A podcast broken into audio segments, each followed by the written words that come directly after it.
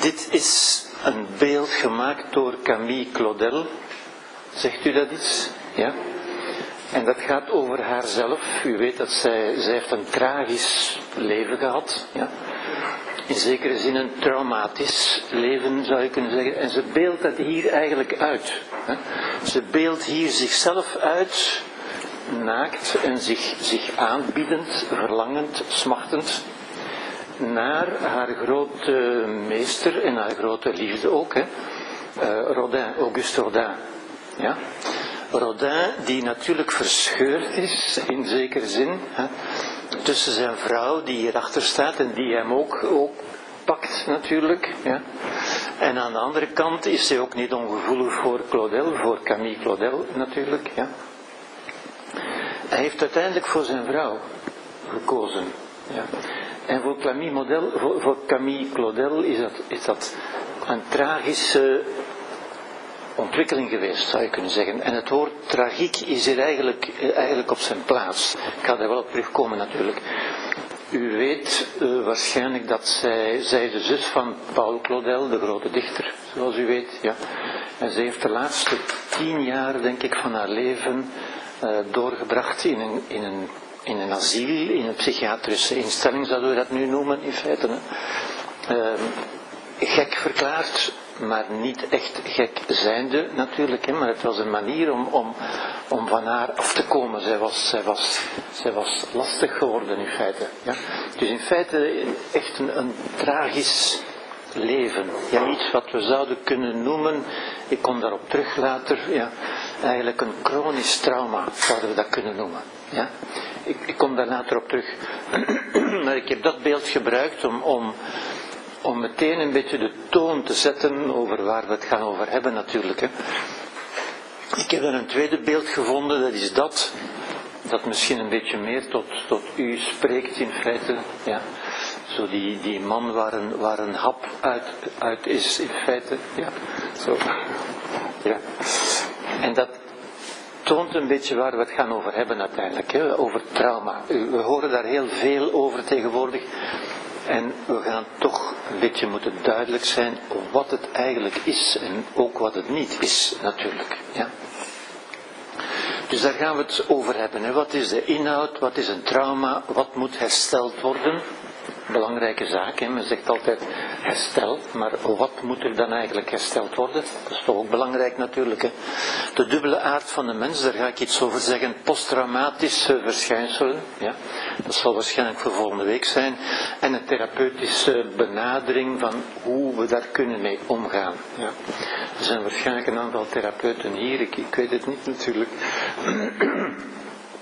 Voor de goede orde moet ik u natuurlijk zeggen dat dit geen, geen therapeutische zitting is hier. U hebt allemaal reden om hier te zijn, neem ik aan.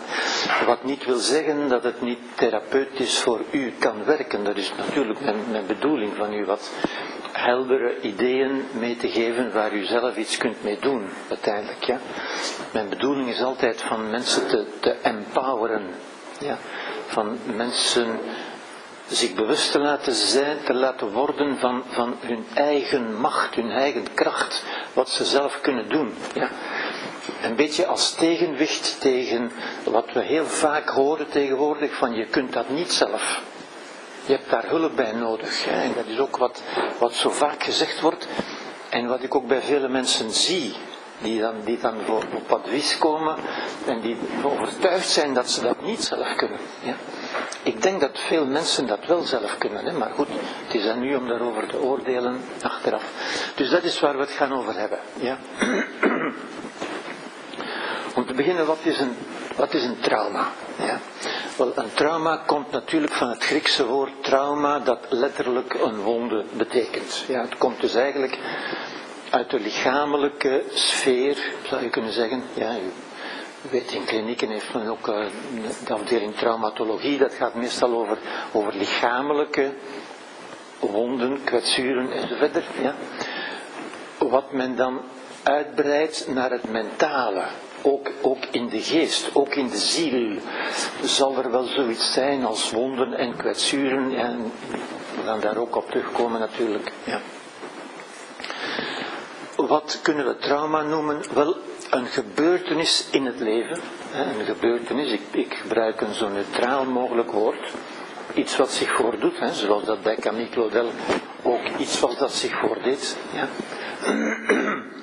Gekenmerkt door, om te beginnen, ongevraagd, onverwacht en onbegrijpelijk. Ja? En dat zijn al belangrijke dingen natuurlijk. Hè? Het eerste woord vooral ook al, want ook dat horen we zo vaak zeggen van mensen. Hè? Uh, met een zekere verontwaardiging zo, dat zich, dat zich iets heeft voorgedaan en dan zijn ze verontwaardigd van ja, maar ik heb daar toch niet om gevraagd. Zie je? Alsof het leven ons alleen maar zou mogen aanbieden waar we om gevraagd hebben. Ja? Zit daar zo een beetje achter, zou ik zeggen. Ja? Het is onverwacht en doorgaans ook onbegrijpelijk. Ja? Dat is één argument met een ingrijpende intensiteit. Natuurlijk, het gaat niet om banale dingen. Ja? Alhoewel we ook dat moeten nuanceren natuurlijk. Ja? Waarop de betrokkenen in de onmogelijkheid is om die gebeurtenis adequaat te beantwoorden. Dus, en, en dat is belangrijk natuurlijk. Hè? De, de betrokkenen zelf weet niet hoe hij daar kan mee omgaan. Welk antwoord, met andere woorden, hij daar kan op geven, hij of zij, ja, daar kan op geven. Ja. Men spreekt dan van ontwrichting, van totale verwarring, van desoriëntatie enzovoort. Ja. Dat gaat natuurlijk samen met het, het ongevraagde, het onverwachte, het onbegrijpelijke ook. Ja. Het, in, in zekere zin is het ondenkbare heeft zich voorgedaan. Iets wat, wat men niet kon bedenken, heeft zich voorgedaan. Ja? Met langdurige gevolgen voor de psychische organisatie en het functioneren van de betrokkenen. Ja? En ook dat is, is belangrijk natuurlijk. Hè? Het is niet een banaal iets. Het, er zijn gevolgen aan. Ja? Mensen veranderen daardoor op een of andere manier. Ja? Ze, zijn, ze zijn in de war, ze zijn ontwricht verder. Ja? We gaan dat dadelijk verder zien. Ja.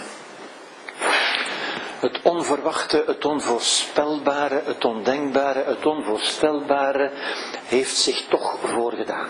Ja? En omdat het dat is, weet men ook niet hoe daarmee om te gaan. Ja?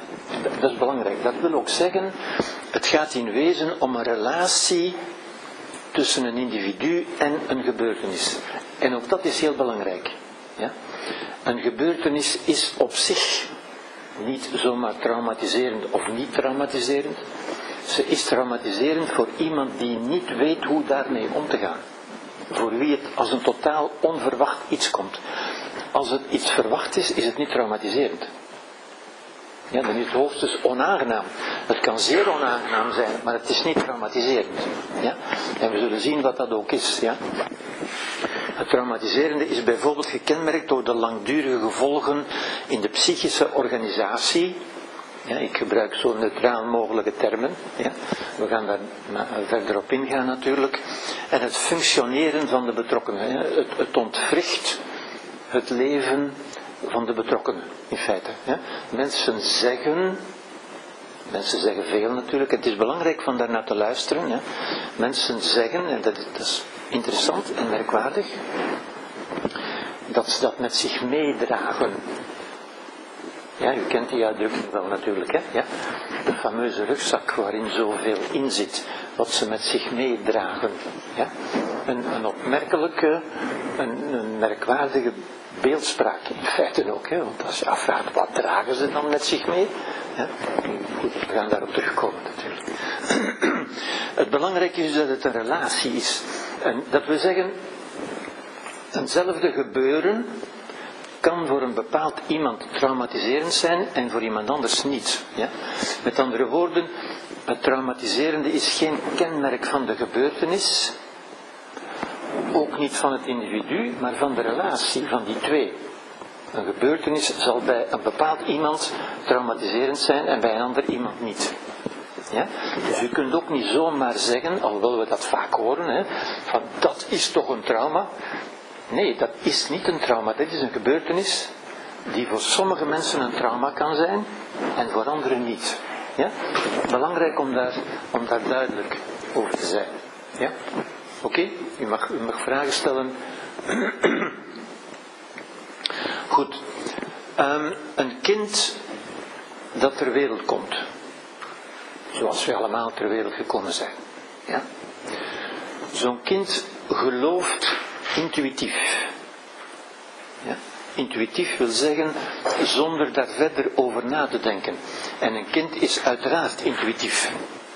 Omdat het daar niet kan over nadenken. Het heeft niet de intellectuele bagage om erover na te denken. Ja? Zo'n kind gaat ervan uit dat alles om hem of haar draait. Ja? En die suggestie wordt ook gegeven. Ja? Men draait rondom een kind. Men doet alles om dat kind alles te geven wat het nodig heeft. Dus het is normaal dat dat kind gaat geloven. Ja? Ook al zegt hij dat niet zo natuurlijk, die conceptualiseert dat niet zo, maar die, die vindt dat normaal, dat alles, ja. U weet, de mens, de, men, de mens, de mensheid, heeft ook lang gedacht, ook dat was een intuïtief idee, ja, dat wij, de aarde zeg maar, in het midden van het heelal stond en dat alles rondom om ons heen draaide. Ja? Dat is nog altijd een beetje de, de intuïtie. Ja, als we zeggen de zon gaat op en de zon gaat onder, dan doen wij alsof alles rondom ons draait. Ja? Dat is een heel normale, heel begrijpelijke intuïtie, zou je kunnen zeggen. Ja? Een intuïtie is een niet nader onderzochte gedachte. Ja? Dat alles er is om hem of haar plezier te doen. En ook dat is normaal voor een kind natuurlijk. Hè? Een kind verwacht dat gewoon. Ja? Dat mama in, in het bijzonder er alleen maar voor hem of haar is. Ja?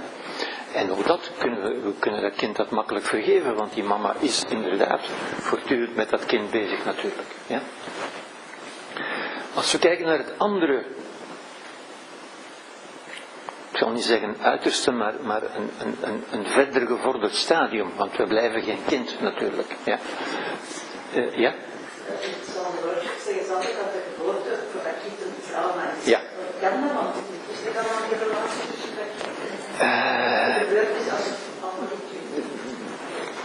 als u, als u zegt, kan dat, dan, dan moet ik altijd zeggen, ja, dat kan.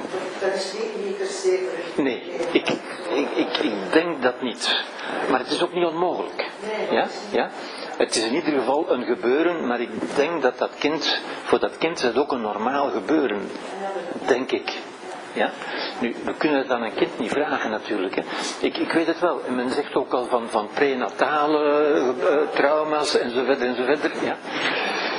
Ik spreek me daar niet echt over uit. Hè. Ik zal niet zeggen, dit is onmogelijk. Uh, ik ben er toch voorzichtig over, zou ik zeggen. Ja? Zeker niet. Zeker niet. Zeker niet. Ja. Oké. Dus uh, ja, zijn we mee zover? Nu, uh, in een verder gevorderd stadium, laten we zeggen als volwassene. Een volwassene. Kijk daar normaal anders tegenover, te, tegenaan. Ik zeg normaal, want het is niet altijd zo. Ja? En in, in wat hier staat, zullen een aantal volwassenen zich ook nog kunnen herkennen. Die verwachten dat eigenlijk ook nog ergens. Ja? Maar een volwassene zou moeten, hè, kan en moet begrijpen uiteindelijk, ja, dat niet alles om hem of haar draait. Ja? Maar dat is, dat, is, dat is al een proces, iets waar we moeten toekomen van dat, dat doorbreekt eigenlijk ons, onze kinderlijk geloof dat alles draait om mij. Vroeg of laat moeten we vaststellen van ja, misschien is het toch niet helemaal zo. Ja? Dat proces kan, kan snel of langzaam, kan, kan uh, zachtaardig of brutaal verlopen. U, u ziet, er zijn al vele mogelijkheden natuurlijk. Ja? Ik kom daar ook op terug. Ja? Tuurlijk, ja, natuurlijk. Tuurlijk. Ja? Hoe zeg je? Dat is heel belangrijk, ik, ik, zeg niet het tegendeel. Hè. Natuurlijk belangrijk. Dat is natuurlijk belangrijk. Hè. Dit is een volwassen bewustzijn. Hè. Dat woord staat er nu niet bij, maar dat is dat natuurlijk. Hè. Een bewustzijn dat een kind niet heeft, natuurlijk. Ja? Een kind leeft in dat soort instinctief bewustzijn. Ja? Um, een kind heeft een bewustzijn, maar geen zelfbewustzijn. Het is zich niet bewust van zijn bewustzijn. Een volwassen bewustzijn is zich bewust van zijn bewustzijn. Dat is verschil natuurlijk. Ja. Dus dat alles niet om hem of haar draait. Ja. Dat alles er niet is om hem of haar plezier te doen. Ja. Nu, als u volwassenen hoort zeggen, en dat horen we toch regelmatig, ook in de media en zo, hè, ja, dat mensen zeggen, ja maar ik heb daar toch niet om gevraagd. Dan wijst dat ergens terug naar het idee, ja, dat er alleen maar zou mogen gebeuren waar ik om gevraagd heb. Ja. Een beetje het, het kinderlijke bewustzijn. Ja.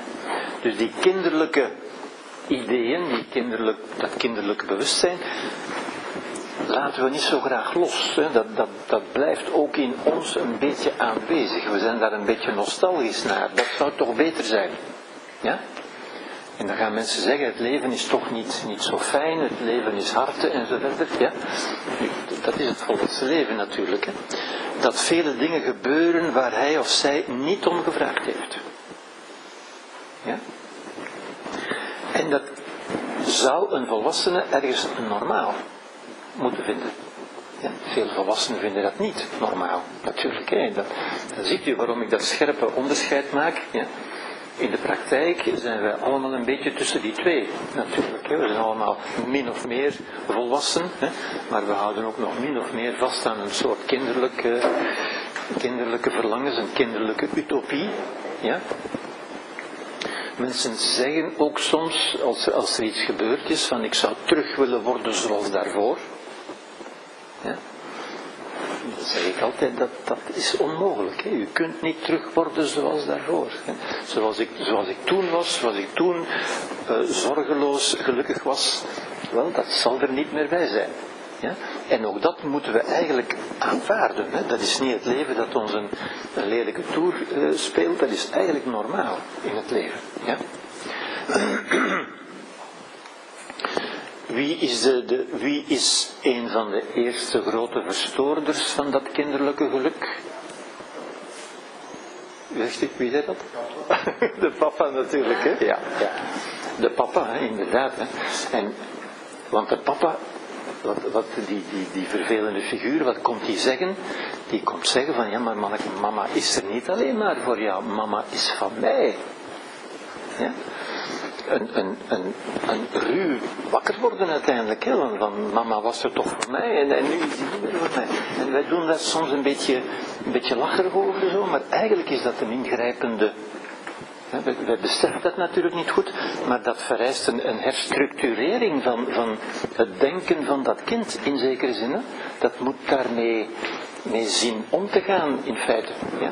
Als dat bij volwassenen gebeurt, zoiets, iets wat je geloofd had en dat blijkt niet waar te zijn, dan zeggen volwassenen van die, van die, van die zwaarwichtige dingen, als mijn wereld stort in en zo van die dingen, of ik val in een zwart gat of dat soort dingen, ja, hebben ze therapie nodig en zo, terwijl dat eigenlijk, hè, oké.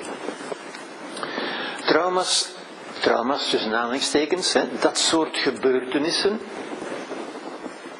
en u begint al te begrijpen natuurlijk, hè, dat kan traumatiserend zijn, dat kan ook minder traumatiserend zijn als dat, als dat begeleid wordt. Ja, en een kind zou mogen verwachten, wij dus, hè, als we zou mogen verwachten, dat we in dat proces een beetje begeleid worden. Dat is niet altijd zo. Ja?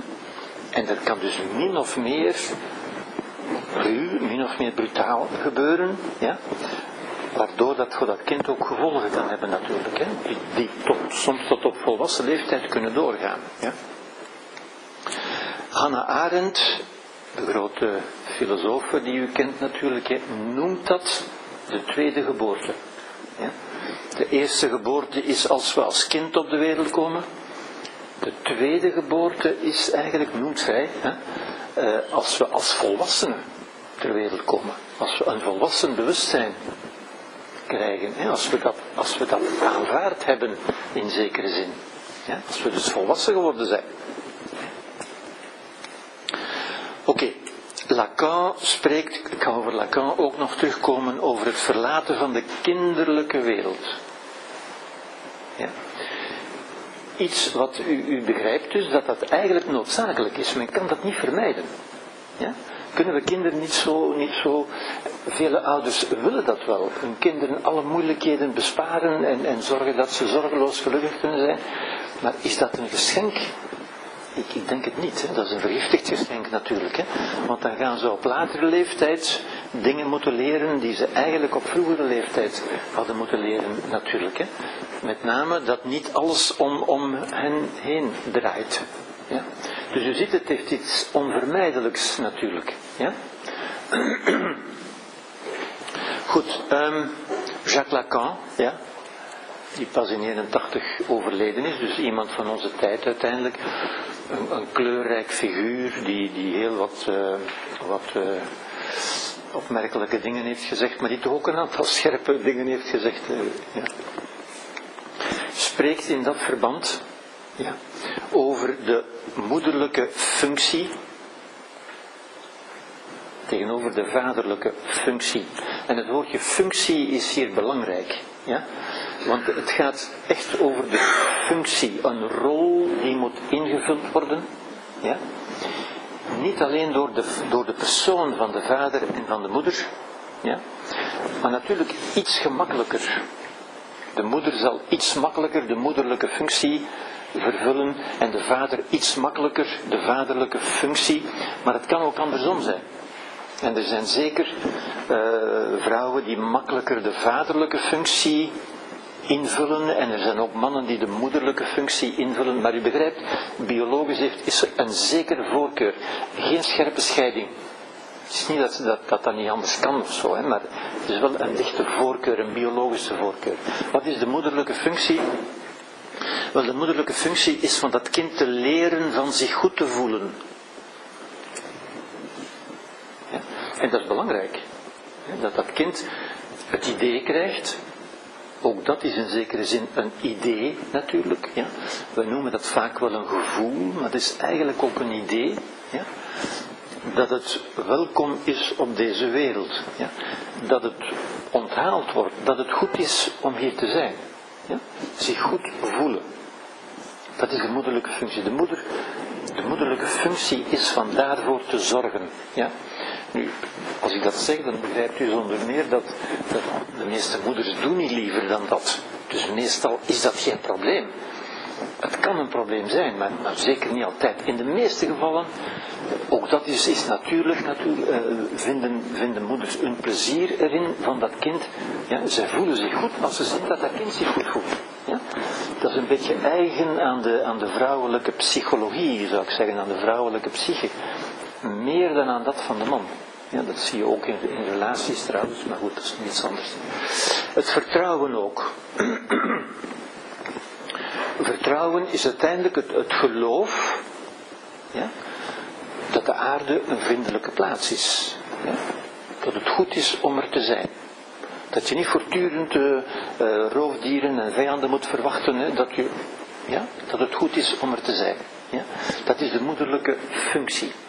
Waar natuurlijk, zeg ik nog een keer, eh, de vader ook kan aan bijdragen. Ja, maar u begrijpt, moeders doen dat iets makkelijker, iets spontaner ja, dan de meeste vaders, zou ik zeggen. De vaderlijke functie is een heel andere. Ja. Dat is juist het omgekeerde, het losmaken uit die emotionele verstrengeling met de moeder. Ja? In feite letterlijk de navelstreng doorknippen. Ja? Lichamelijk, fysiek, maar ook mentaal. Ja?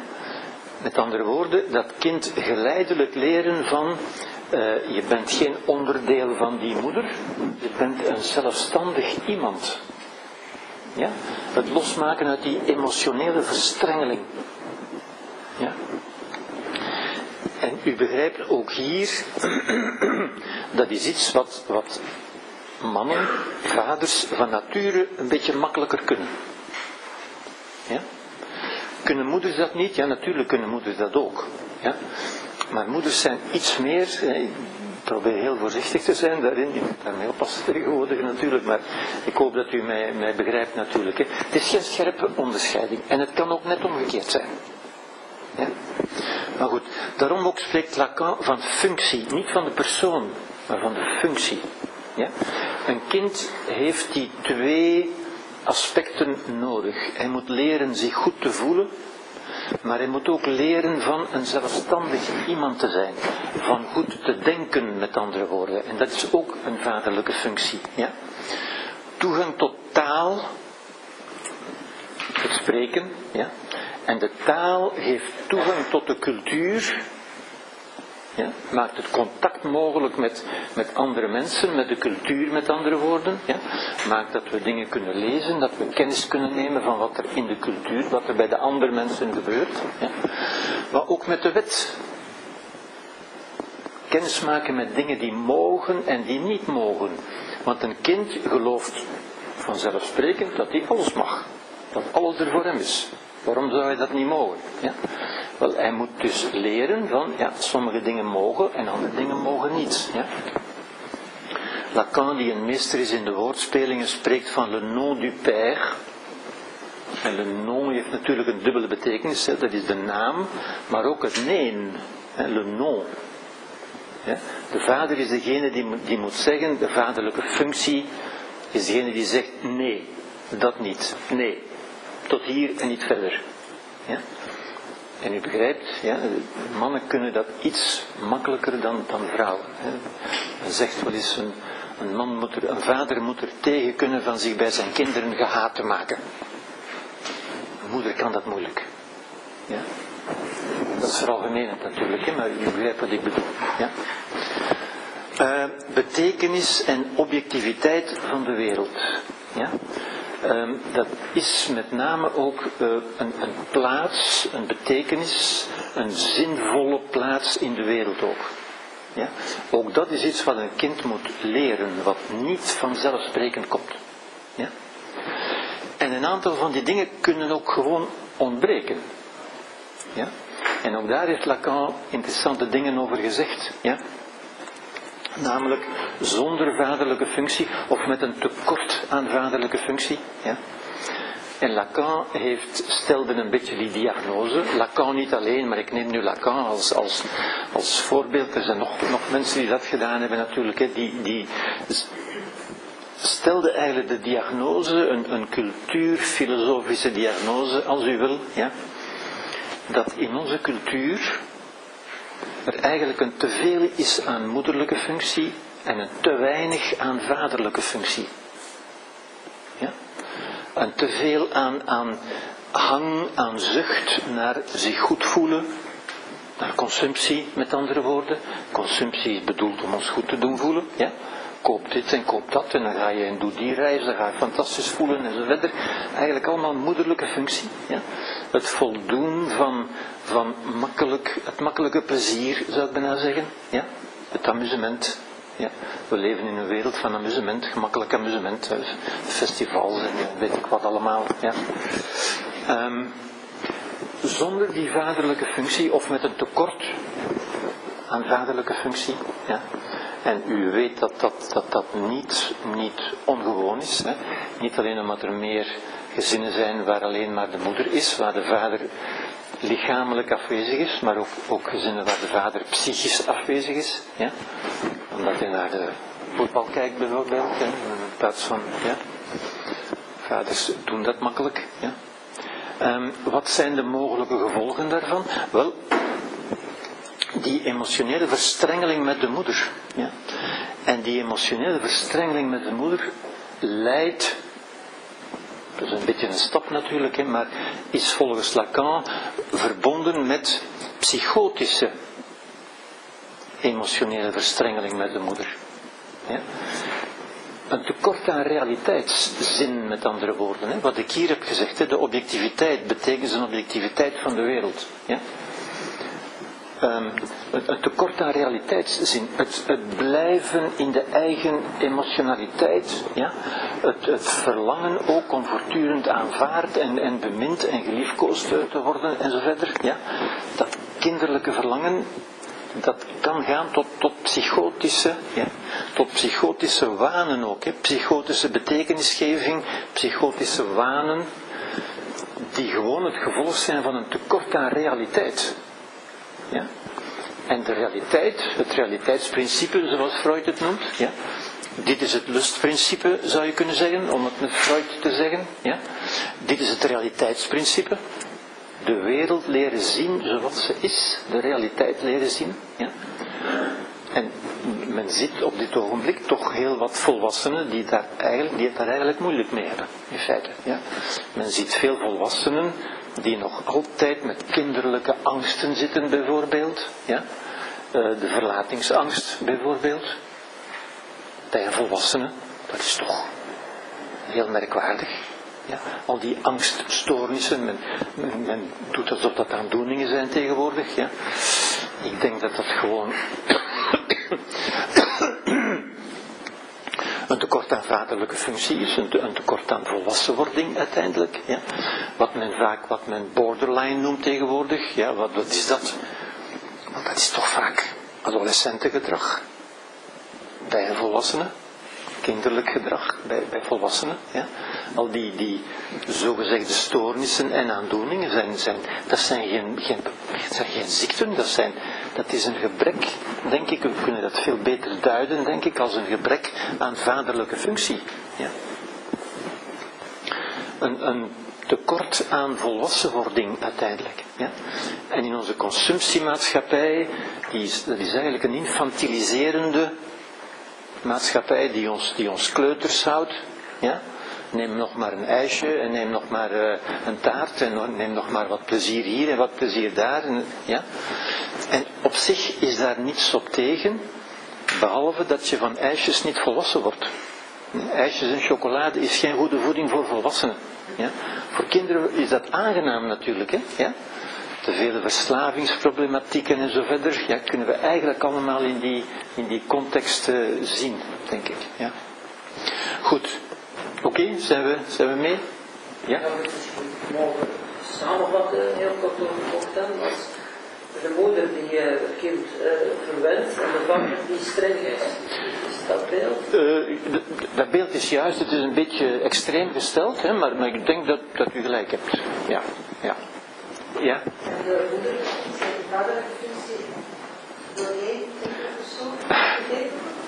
Ik denk dat u daar even goed kunt antwoorden als ik hoor. Kan dat? Dat is niet onmogelijk. Maar natuurlijk is dat mogelijk, maar is dat, is dat makkelijk? Is dat normaal? Ja, ja, ja. Ik, ik denk dat dat van één persoon veel bewustzijn vergt. Ja? Om, om die twee, ja, om zowel het een als het ander eh, in evenwicht. En wat is dan dat evenwicht en zo verder. Maar als u zegt, kan dat? Uh, ja, dat kan natuurlijk. Hè, maar is dat makkelijk? Uh, ik denk het niet. Ja? Ja? Maar kunnen we ook zien buiten de koppelrelatie? Want bijvoorbeeld elk kind of volwassenen? Ja, natuurlijk. Natuurlijk. Ja, natuurlijk. Natuurlijk. Natuurlijk, maar daarom heb ik er ook al naar verwezen. Hè. Um, Lacan ziet het ook groter, niet alleen in, in dat gezinnetje, maar in de hele cultuur. Hij zegt eigenlijk, onze hele samenleving is gekenmerkt door een teveel aan, aan moederlijke functie en een tekort aan vaderlijke functie. Ja? Men, om, om het, om het ja, ook een beetje, beetje uh, korter te zeggen, zou ik zeggen, men leert ons eigenlijk te weinig levenskunst. Ja? En dat zou ik zeggen, is een vaderlijke functie. Men leert ons wel van, van plezier te doen en, en, en, en amusement te kopen en doen wat fijn en wat leuk is en zo verder en zo verder. Maar daar worden we geen grote mensen van. Ja? En volwassen worden, daar is in onze samenleving weinig aandacht voor. Ja? Oh, dat, daar kan ik nu echt niet ja of niet nee op zeggen. Uh, dat, dat zou kunnen, dat zou kunnen. Ja, ik, ik denk inderdaad, ja, als, als u dat bedoelt, ik denk inderdaad dat vele, vele, ja, dat toch zeker een aantal mensen in een relatie dat juist gaan zoeken. Verstrengeling met, met ja, die, die emotionele genoegdoening, dat emotionele goedvoelen in feite. Ja? En is dat dan weer verkeerd? Nee, dat is ook niet verkeerd natuurlijk. Hè? Maar het is altijd, die twee zijn nodig. Ziet u, ja? Er moet ook voldoende volwassenheid zijn, zou ik zeggen. Ja? Oké, zijn, we, zijn we mee? Zijn er bedenkingen bij? Ja? Ja. Ja. Dus kunnen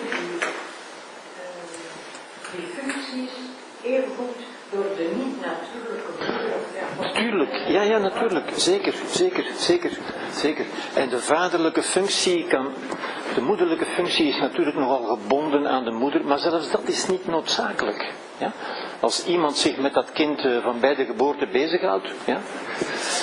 maar ook de vaderlijke functie kan, kan bijvoorbeeld door, door een oom of door een, of door, of door een leraar ja? Ingevuld worden. Ja? Maar het is belangrijk dat dat kind zich kan identificeren een belangrijk aspect met, met, met die functie, zou ik zeggen, die manier van zijn. Ja?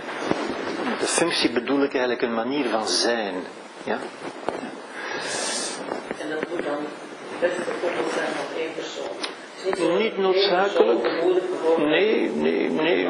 die zowel de, de moederlijke functie als op andere momenten Ja. de vaderlijke functie. Ja, in principe kan dat. Ik, ik kan niet zeggen dat dat niet kan. Maar gaat dat makkelijk zijn? Dat, dat denk ik weer niet natuurlijk. Hè. Maar, maar als u zegt kan dat niet, dan moet ik zeggen ja, dat kan ook natuurlijk. Hè. Ja, ja. Maar u ziet al dat er veel eh, mogelijkheden zijn ja, in, in de ontwikkeling van een kind. Ja. Oké. Ja. Goed. Ehm, voorbeelden van een acuut trauma, ja, die kent u natuurlijk wel, ja. Tragische gebeurtenissen, een ontslag, een scheiding, een overlijden. Vaak wat men een verlies noemt. Ja? En dat woord verlies alleen is al zo tekenend natuurlijk. Ja? Is eigenlijk tekenend voor, voor, zou zeggen, voor een kinderlijk bewustzijn. Ja?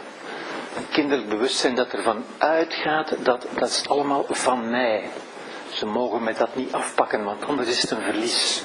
Ja? Ik las onlangs ergens. Ik ben het leven met niets begonnen en het meeste daarvan heb ik nog.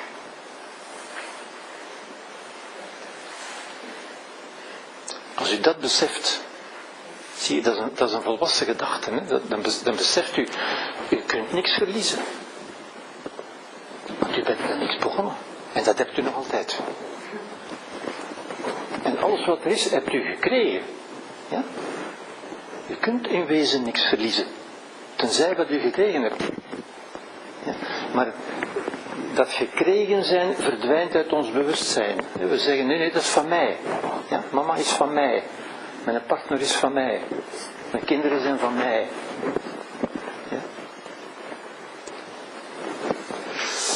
Geweld natuurlijk, ongevallen natuurrampen, oorlog, inbraak, terrorisme, gevangenschap, gijzeling, verkrachting natuurlijk.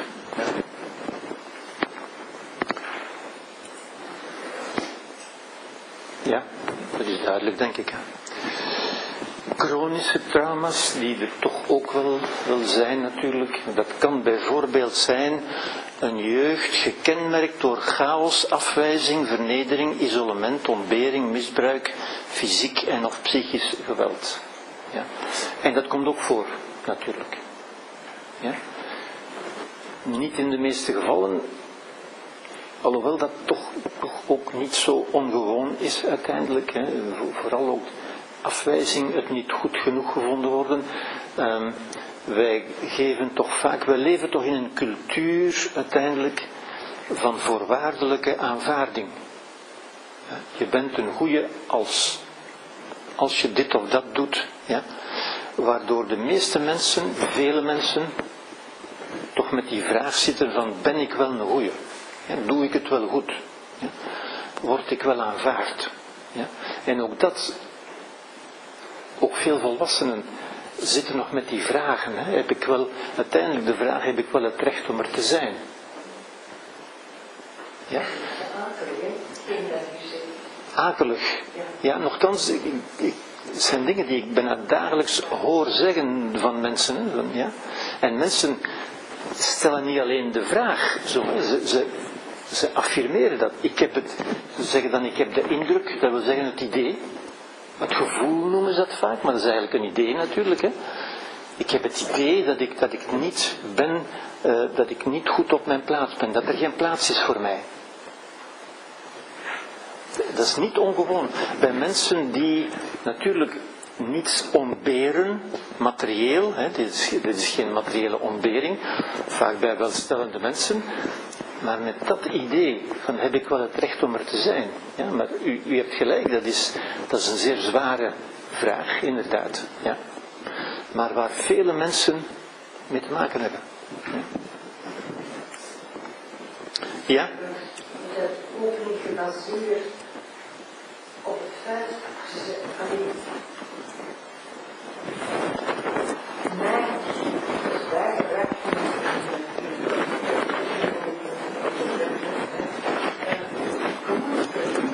Ja, ja, ja. Ja, ja, inderdaad, inderdaad, inderdaad, inderdaad. Ja, dat is waar. Maar dat wil zeggen, dat wil zeggen, er zijn volstaat niet. Ja? Dus dat is in wezen een beetje een tekort aan moederlijke functie bijna. Ja? Het is niet voldoende dat je er bent. Je moet, je moet het verdienen, zoals je terecht zegt uiteindelijk. Ja?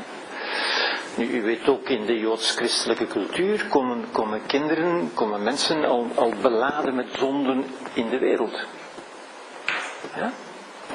Ja? Wat doet dat met een mens? Ja? Ja?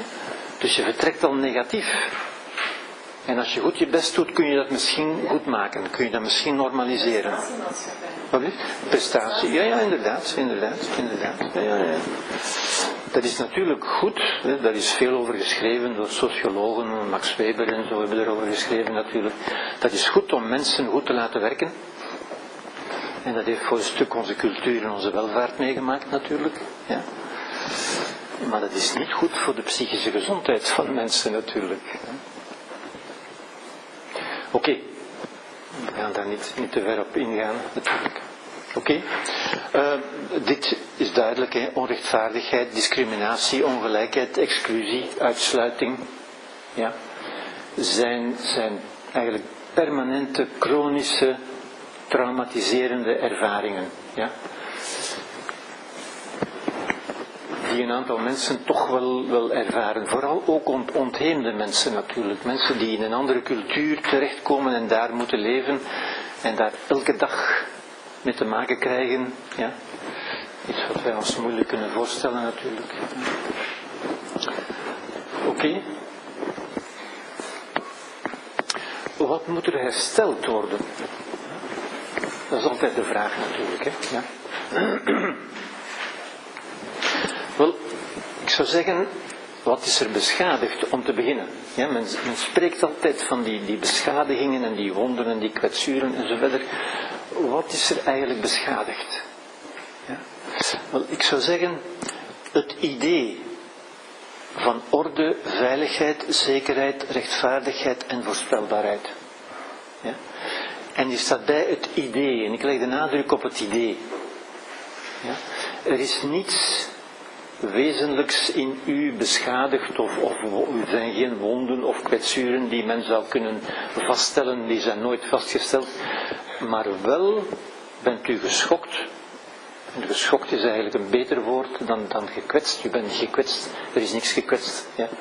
Er is ook geen schade, maar u bent, u bent geschokt in uw geloof. Ja. Het geloof dat de dingen ordelijk zouden verlopen, dat de wereld rechtvaardig zou zijn, dat het een veilige plaats zou zijn. Ja. Met andere woorden, een beetje de kinderlijke illusie. Uw kinderlijke illusies worden eigenlijk geschokt, in zekere zin. Ja. Dat vaststellen dat het niet zo is. Ja. Het idee ook van onschendbaarheid van de lichamelijke of psychische integriteit. Iets waar wij normaal van uitgaan, natuurlijk. Ja. maar wat ons op een hardhandige manier kan duidelijk gemaakt worden, dat dat, dat, dat niet vanzelfsprekend is. Ja? Het idee van autonomie, van keuze, van vrijheid met andere woorden ook. Ja? Het idee van vrijwel totale vrijheid van handelen, kunnen doen wat u wil. Ja? Dat is voor ons een beetje normaal. Als u dat niet meer kunt, ja? dat is een harde, harde vaststelling natuurlijk. Ja? Het idee van vertrouwen, ja? moederlijke functie was het creëren van vertrouwen juist. Ja? Maar eigenlijk moeten we ook leren, dat is volwassen worden, leren inzien dat dat vertrouwen heel relatief is. Het is geen, geen eis, we kunnen dat niet eisen. Vele mensen eisen dat natuurlijk, maar dat, dat, dat begrijpen dat dat eisen geen zin heeft. Er is geen instantie waar je dat kunt gaan eisen. Het idee van recht hebben op. Een woord, iets dat we zo vaak horen, van ja, maar ik heb toch recht op. Ja?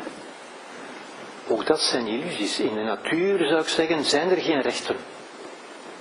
U hebt het recht om er te zijn, dat is alles. In de, u weet dat in de Amerikaanse grondwet staat het recht om, om het geluk na te streven. The right to pursue happiness. Ja? U hebt geen recht op geluk. U hebt ook geen recht op gezondheid. U hebt het recht om te doen wat u kunt om gelukkig te zijn en om gezond te zijn. Dat wel. Maar u kunt dat resultaat niet gaan opeisen. Maar ik heb toch recht op mijn gezondheid. En wij hebben zoveel rechten. Ik heb toch recht op werk en ik heb toch recht op vakantie en ik heb toch recht op. Ja? Het besef dat het eigenlijk allemaal heel relatieve rechten zijn. u hebt dat recht zolang de anderen dat recht respecteren. Ja? Lang niet altijd het geval is natuurlijk. Hè? Bijvoorbeeld na een inbraak of een verkeersongeval, en ik hoor dat regelmatig uh, zeggen uiteindelijk, hè, zijn mensen getraumatiseerd, en zeggen ze, kunnen mensen getraumatiseerd zijn, ja?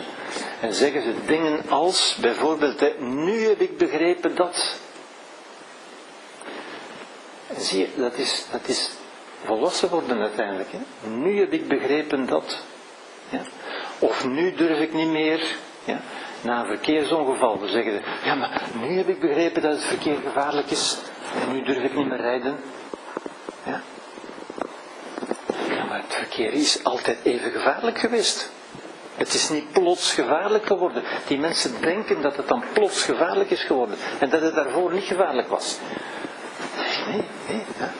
De wereld is niet veranderd. Het was altijd al gevaarlijk. Ja? En dat is een soort, een soort um, achterloosheid, een soort onbewustzijn van het gevaar natuurlijk. Ja? En dan worden mensen angstig. En ook dat is een kinderlijke reactie natuurlijk. Hè? Angst is een kinderlijke reactie. Ja? Volwassene is niet angstig, maar wel voorzichtig. Ja? En voorzichtigheid is iets anders dan angst. Angst is een emotie die je kunt zien ook bij volwassenen, bij fobieën bijvoorbeeld. Ja, kom daar ook nog op terug. Uh, het is een emotie die u, die u verlamt. Ja? Een kind dat angstig is, een kind dat door een hond gebeten is bijvoorbeeld, kan angstig zijn van alle honden. En zodra er een hond in de buurt is, begint dat kind te beven en trekt zich terug en wil niet verder. Dat kind zet zich schrap. Nee, ik wil niet. Zoals sommige volwassenen hè, voor een lift of voor een vliegtuig van, nee, ik wil niet. Ja? Dat is echt een kinderlijke reactie. Ja? Ik ga er later op terugkomen natuurlijk. Ja? Een volwassene denkt daar anders over natuurlijk. Ja? Omdat een volwassene dat bewustzijn heeft. Een volwassene is zich bewust van de reële gevaren, de reële risico's. Ja? Um, een volwassene bedenkt, ja, een lift kan, kan, kan blokkeren, dat kan. Ja? Bij die gedachte zegt een kind, oh nee, dat wil ik niet. Een volwassene denkt daar rustig over na, sereen, dat is volwassen zijn. Ja? Van inderdaad, dat kan. Maar eigenlijk heb ik nog nooit gehoord dat mensen gestorven zijn in de lift. Ze hebben hoogstens een half uur of een uur of een dag eventueel moeten, moeten wachten. En ze zijn eruit gekomen. Ja? En het is zo zeldzaam als je ziet het aantal liften. Ja? En dan was oké, ik heb erover nagedacht en dat risico kan ik nemen. Ja? Zoals bij een vliegtuig, hè, dat, dat is gevaarlijk. Je kunt zeggen, nee, daar wil ik niet in. Ja? Volwassene beseft dat kind, die angst heeft een stuk gelijk. Dat is inderdaad gevaarlijk. Ja? Maar een volwassene denkt na en zegt, ja, per dag zijn er 50.000 vliegtuigen die opstijgen. Er zijn er per jaar 1, 2 die neerstorten. Oké, ik kan dat risico nemen. Zie je, dat is een volwassen, dat is voorzichtigheid. Dat is nadenken. Ja? Angst is een emotie die u verlamt. Ja? Voorzichtigheid is nadenken. Er bewust over nadenken. Ja? Mensen met een fobie zeggen bijvoorbeeld ook, ik wil er niet over denken. Natuurlijk, als u er niet over denkt, dan zult u in uw kinderlijke emotie blijven zitten natuurlijk. Ja? Het is wel door erover te denken van, het is waar, het is gevaarlijk, maar het gevaar is zo klein dat ik het kan nemen. Ja? Volwassene weegt af. Ziet u, is weer de realiteit. Wat is de realiteit? Tegenover de kinderlijke imaginatie, verbeelding. Ja? Een kind heeft ook, heeft ook, ziet ook overal catastrofen en, en, en monsters en spoken enzovoort. Ja? Een volwassene kent de werkelijke, de reële risico's en denkt daarover. Ja? Dat is een afweging. Dat is geen angst, dat is een afweging. Dus die kinderlijke angst gaat, komt bij een volwassene overeen met voorzichtigheid. Ja? Een volwassene beseft dat eigenlijk altijd alles gevaarlijk is. Als u hier buiten gaat, kunt u ook, kan er u ook iets overkomen. Ja? U kunt ook op elk moment een hartaanval krijgen of een hersenbloeding. Ja? Ja? Een volwassene beseft dat. Ja? Veel, niet alle volwassenen. Ook daar zijn er volwassenen die zeggen, oh nee, ik mag daar niet aan denken, ik wil daar niet aan denken, rap iets leuk gaan doen. Dan blijft je ook in dat kinderlijke. Ja? Oké. Wat moet, uh, ja, dus het archetypische beeld is altijd het beeld van de val uit het paradijs natuurlijk. Ja. Um, de slang, het paradijsverhaal dat u kent natuurlijk, de slang, de appel van goed en kwaad, is eigenlijk geen, geen, uh, geen, geen ramp. We zouden kunnen zeggen dat is een ramp. Hè. We zijn daaruit verjaagd, we zijn gevallen, zoals men ons zegt. Ja. Eigenlijk stelt dat de mens in staat zich te bevrijden uit de onwetendheid. Zoals ik net ook zei, hè? Ja? Kennis nemen van de reële wereld en afscheid nemen van de kinderlijke illusies over de wereld. Ja? Het verlies van onschuld om tot een volwassen bewustzijn te komen. Ja? Dus eigenlijk, nogmaals, het toont nogmaals aan, het is noodzakelijk. We kunnen er niet buiten uiteindelijk. Hè? We moeten allemaal, uh, dat heeft te maken met het feit dat we als kind geboren worden en toch tot volwassenen moeten evolueren natuurlijk. Ja? Dat leidt tot groei, tot toegang tot het volwassen leven, tot een spiritueel leven uiteindelijk ook. Ja? Dus dat is de andere kant van de medaille. Ja? Um, ik zou dat noemen, uh, in plaats van posttraumatische stress, daar kom ik straks op terug, ja, zou ik dat posttraumatische groei noemen. Ja? Eigenlijk bevrijdt ons dat. Het enige wat u echt kunt verliezen, zijn uw kinderlijke illusies. Al de rest hebt u nog, namelijk niks. Alleen de illusie dat er dingen van u zijn, kunt u, kunt u verliezen. En dat is een verlies waar u beter van wordt, uiteindelijk.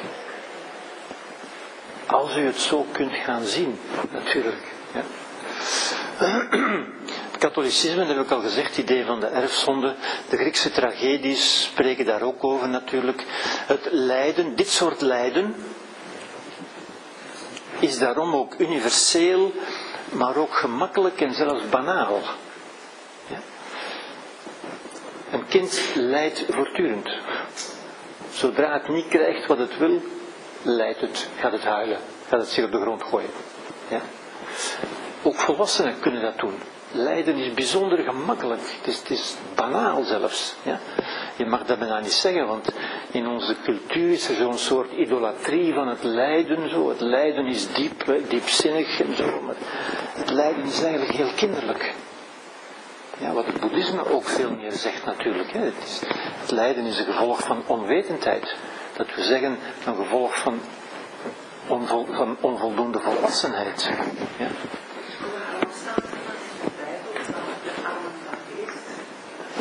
Ik zou dan zeggen van ja, Ja. degene die Ja, ja. ik kan daar niet op antwoorden. Ik ben geen bijbeldeskundige. Ja. Ik weet niet juist wat, wat men daarmee bedoelt in feite. Ja, met die armen van geest. eh, ik weet niet wat ik me daarbij moet voorstellen. Armen van geest met godsdiensten. Ja, ja, ja. Ik weet niet wat dat betekent.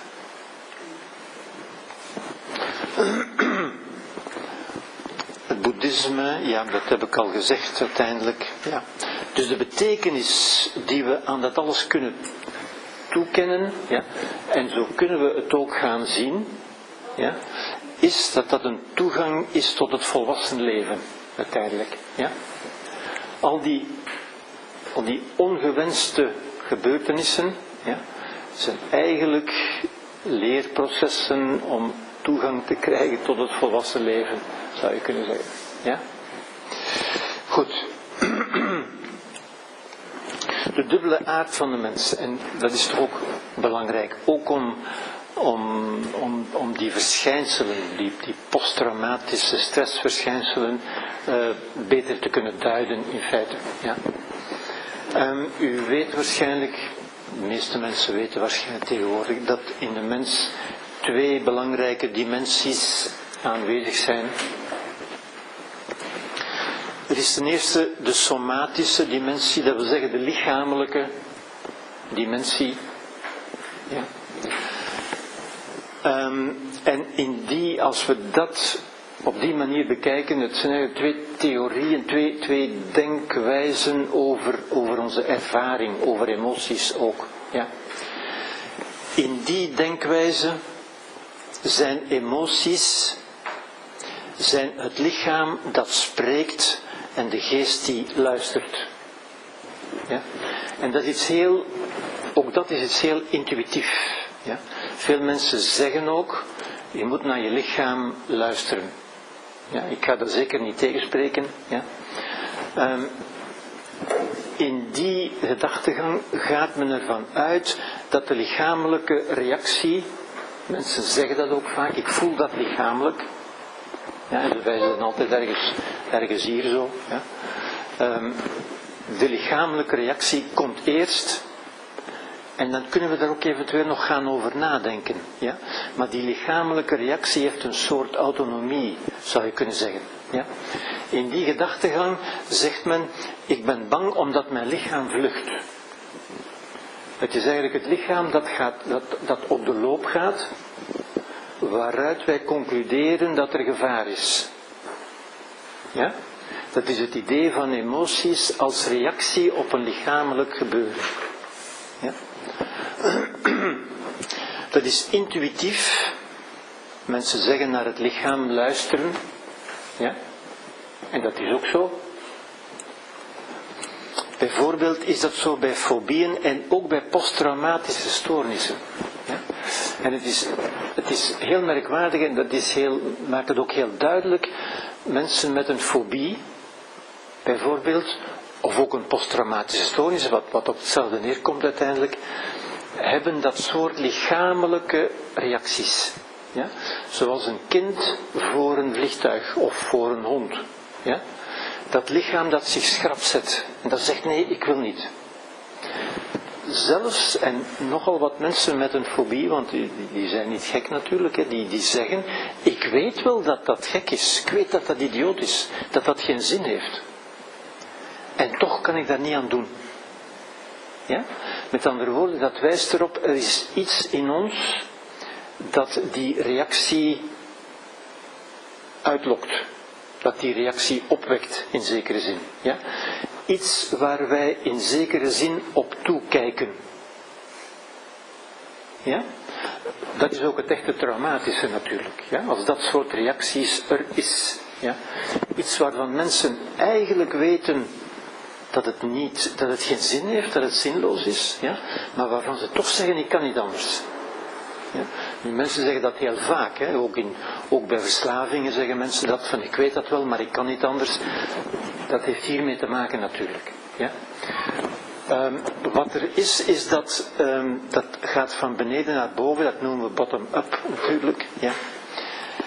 Er is de cognitieve dimensie. Ik zal het dadelijk verduidelijken hoor. De cognitieve dimensie zegt eigenlijk juist het omgekeerde. Ja? Dus dit is plausibel als we denken aan fobieën. Ja? Die fobie lijkt te ontstaan in het, in het lichaam, zelfs als we weten dat het geen zin heeft. Ja, zijn we het daarmee eens? Ja, goed. Er is de andere dimensie, de andere manier van kijken, en die zeggen allebei iets van waarheid. Ja? Dat is, emotie is de geest die spreekt en het lichaam dat luistert. En dat is iets wat we veel minder horen. Ik, ik zeg dat heel vaak tegen mensen, omdat wij ons vaak niet voldoende bewust zijn daarvan. Ja? Namelijk dat wij ook spreken tegen onszelf. En wat we tegen onszelf zeggen, heeft een invloed op wat zich in ons afspeelt. Wat in ons gebeurt. Ja? Zelfs als we dat doen tegenover iemand anders. Als we tegen iemand spreken, luistert het lichaam altijd mee. Ik zeg vaak tegen mensen, u mag tegen mij zeggen wat u wil, ja, maar u bent dat tegelijk tegen uzelf aan het zeggen. Ja? Dat zal dadelijk duidelijker worden. Um, dat is mijn lichaam loopt omdat ik bang ben. Zie je, dat is het omgekeerde. De angst ontstaat eerst in mijn geest en dan gaat mijn lichaam lopen. Dit zegt ik ben bang omdat mijn lichaam gaat lopen. Ja? Het zijn twee tegenovergestelde, maar aanvullende complementaire theorieën eigenlijk, zienswijzen, die eigenlijk allebei iets van waarheid zeggen. Ja? Bijvoorbeeld is dat bij wrok en bij haat. Ja? En u moet daar eens over denken. Als u op iemand kwaad bent, dan gebeurt er niets in uw lichaam. Dat is niet uw lichaam dat spreekt. Bij een fobie wel. Bij een fobie is dat een lichamelijke reactie dat, dat, dat zich schrap zetten van dat die nee, ik wil niet. Ja, zoals een kind dat doet, letterlijk. Maar als u op iemand kwaad bent, dat is niet uw lichaam dat spreekt. Dat bent u. Ja? Ik ben kwaad omdat. Omdat hij mij dit of dat heeft aangedaan. Ja? En als u dat zegt, dan zal uw lichaam daarop reageren. Hè? Ik ben kwaad en uw lichaam gaat al in, in, in vechtmodus uiteindelijk. Maar het begint niet in uw lichaam, het begint in uw geest. Ja? En dus die twee zijn, naar lang van het geval, die twee hebben iets van waarheid. Het zijn twee valabele zienswijzen, zou ik zeggen. Ja? Vandaar dat bijvoorbeeld de Boeddha zegt ook, wij zeggen dat niet voldoende, maar de Boeddha zegt dat wel, heel duidelijk. Ja? Let op uw gedachten. Want uw gedachten worden realiteiten in uzelf. Ja? En dat is wat, wij, wat we niet voldoende beseffen. Niet omdat we dom zijn, maar omdat men ons dat niet voldoende zegt, niet voldoende leert. Ja. Bijvoorbeeld, vaak als ik zo'n dingen zeg, is de eerste reactie van mensen, ja, maar, wat zeggen ze dan? Dat is toch moeilijk. Ja, maar dat is toch moeilijk. Ja? Nu, u, u moet dus voelen bij uzelf, wat er, wat er bij uzelf gebeurt, als u alleen maar het woordje moeilijk gebruikt. U zegt dat tegen mij, zo gezegd. Maar tegelijk zegt u dat tegen uzelf. En wat gebeurt er in uzelf? Wel, ja, een, gevoel van, van, van, van zwaarte, van, van oelala, dat zal moeilijk zijn, dat zal lange tijd kosten en zo verder. Allemaal dingen die mensen zeggen. En, en ze beseffen niet dat ze door dat te zeggen die realiteit creëren. Ja? Dus onze ervaring, onze emoties, zeg maar, worden een stuk gecreëerd, maar voor een stuk creëren we ze ook zelf. Ik zal dat dadelijk nog wat verduidelijken. Ja? Dus dat is van boven naar beneden, top-down. Dit is bottom-up. Van beneden naar de geest zou je kunnen zeggen. Van de geest naar beneden ook, top-down. Ja?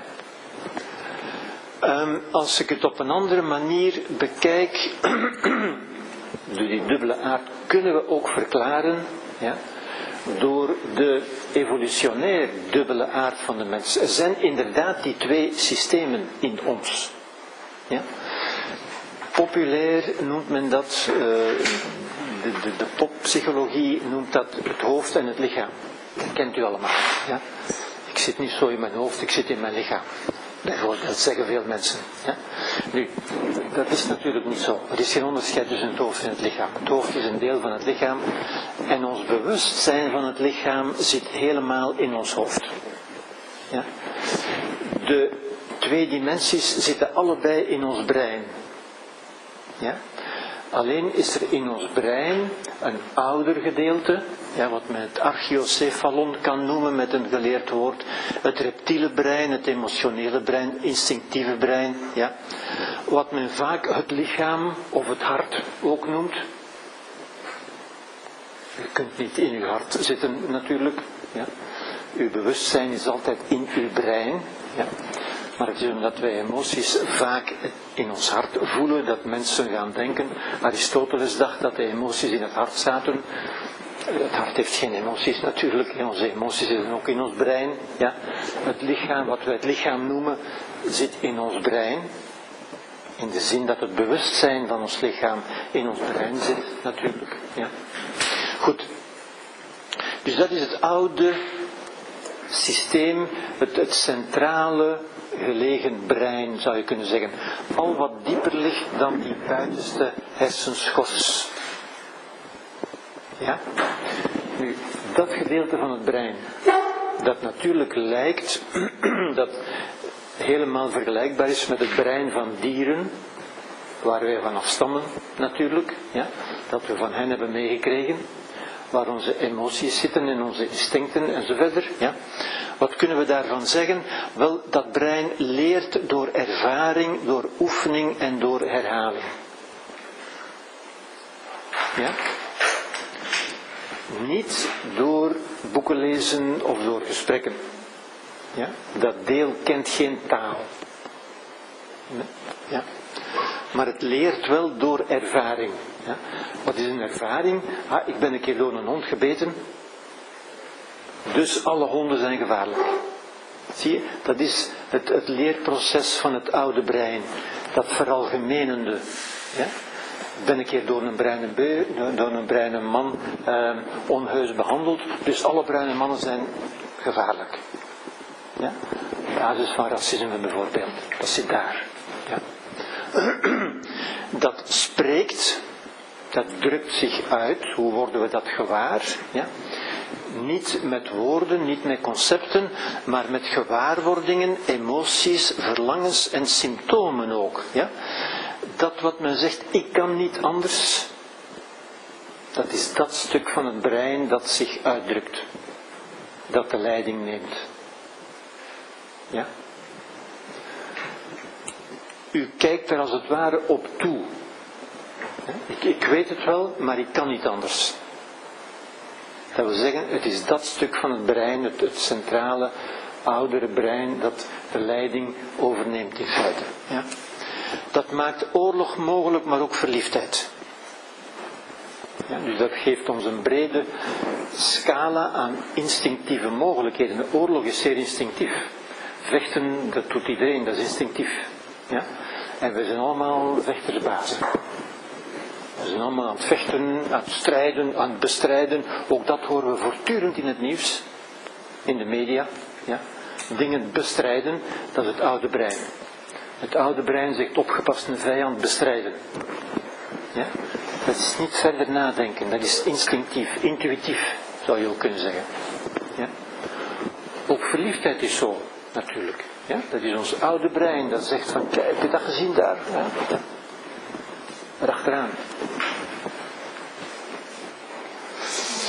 Niet toegankelijk voor taal. En dat is belangrijk. En dat verklaart waarom mensen kunnen zeggen, en terecht zeggen, hè, van bij fobieën bijvoorbeeld. Ja, een fobie is altijd zo'n zo'n schoolvoorbeeld in feite. En mensen beseffen ergens, het woordje ergens is op zijn plaats hier, hè, ze beseffen dat het zinloos is, maar ze kunnen niet anders. Ja? En daar zitten duidelijk die twee dimensies. Het weten, ik besef het, en, toch volstaat dat niet. Natuurlijk volstaat dat niet, want het oude brein kent geen taal. U kunt het oude brein niet gaan beargumenteren. Het is onzin, het heeft geen zin, het is, het is niet logisch. Ja? Dat is echt zoals een klein kind. Ja? Een klein kind dat bang is in het duister, in het donker en dat naar beneden komt. eh, Mama, ik ben bang van het donker. Ja? U kunt daar niet mee argumenteren. Kunt zeggen, ja, maar het heeft geen zin. eh, Je moet niet bang zijn, het donker is oké, dat is niet gevaarlijk. Ja, ja, mama, maar ik ben toch bang. Ziet u, eh, dat is echt een fobie, hè? Ja? Als u tegen iemand met een fobie, ja, maar een vliegtuig dat is gewoon een technisch instrument, dat brengt u van A naar B. Ja, ja, dat is waar, maar ik ben toch bang. En, en een lift, dat gaat gewoon als een doos die op en neer gaat. eh, Ja, ja, dat is waar, maar ik ben toch bang. Zie je, ik ben toch bang. Dat is het oude brein dat spreekt. Ja? Kan men dat oude brein iets anders leren? Kan men iets doen aan fobieën? Ja. Maar niet op de manier zoals we dat gewoonlijk denken. Ja? Dat brein leert door ervaring, door oefening en door herhaling. Ja? Zoals u een kind. En u moet dat echt benaderen als een kind, bij. Als u aan een kind denkt, wordt dat veel duidelijker. Ja? Als een kind bang heeft van honden, want ik ben een keer gebeten en dus alle honden en ik ben toch bang. Ja? U kunt dat kind niet overtuigen met argumenten. Ja? U kunt het alleen door oefening. Ja, maar zet eens een stapje dichter. Ja? Door het te doen. Zet eens een stapje dichter. En stel vast, er gebeurt niks. Ja? En zet nog eens een stapje dichter. En er gebeurt nog niks. Ga een keer in die lift. En blijf gewoon staan. En wat gebeurt er? Ah, niks. Ah. Ja? Door, door gedrag, door het te doen, zoals u een kind bij de hand neemt en in het donker gaat. Niet met argumentatie, maar door het te doen. Ja? Goed, daarnaast is er dan de cortex, dat is dat buitenste stuk van het brein, zoals u weet. Ja? En dat is wat ons tot mens maakt. Dat is niet vergelijkbaar met wat dieren hebben. Dat is echt het menselijke. Dit menselijke deel van het brein zou je kunnen zeggen. Dat achter ons, ons hoge voorhoofd zit. Dat maakt dat de mens zo'n hoog voorhoofd heeft. Ja. Vooral de prefrontale cortex, die naam doet nu niet ter zake.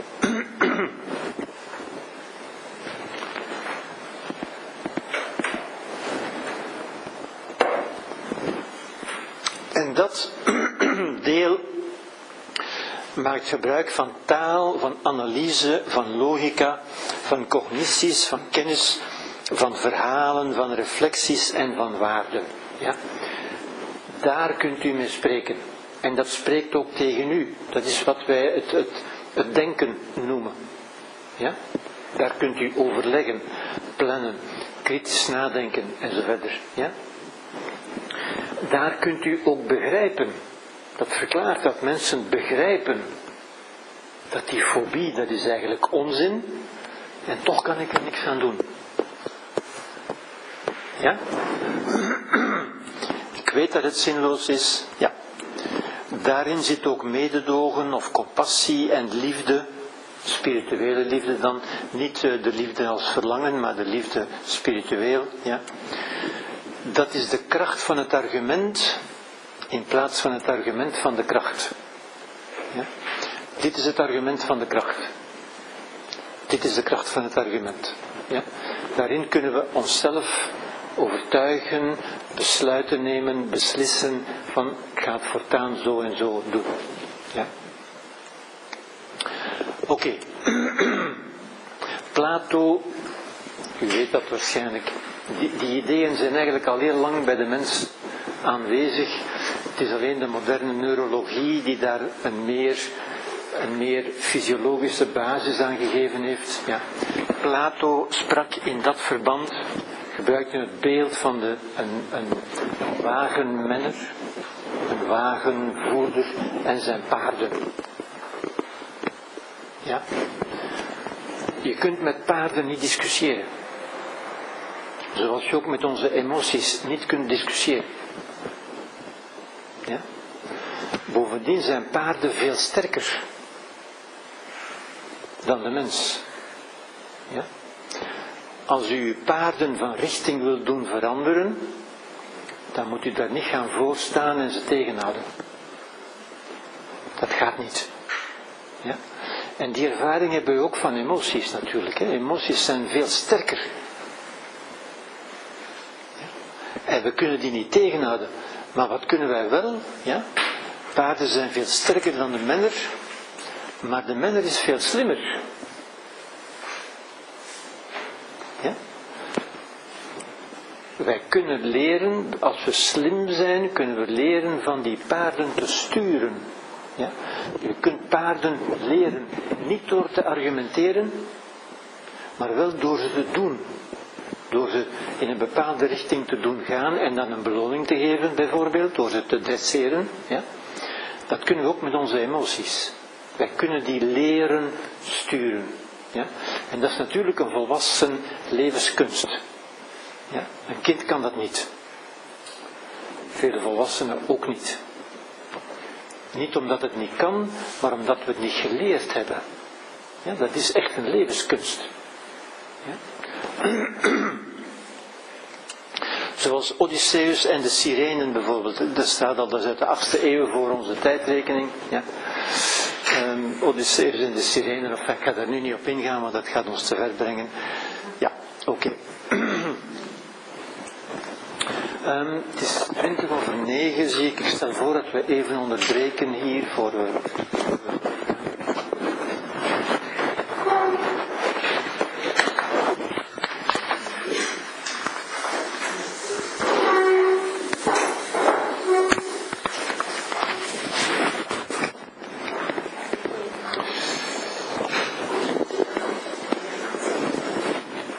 Oké.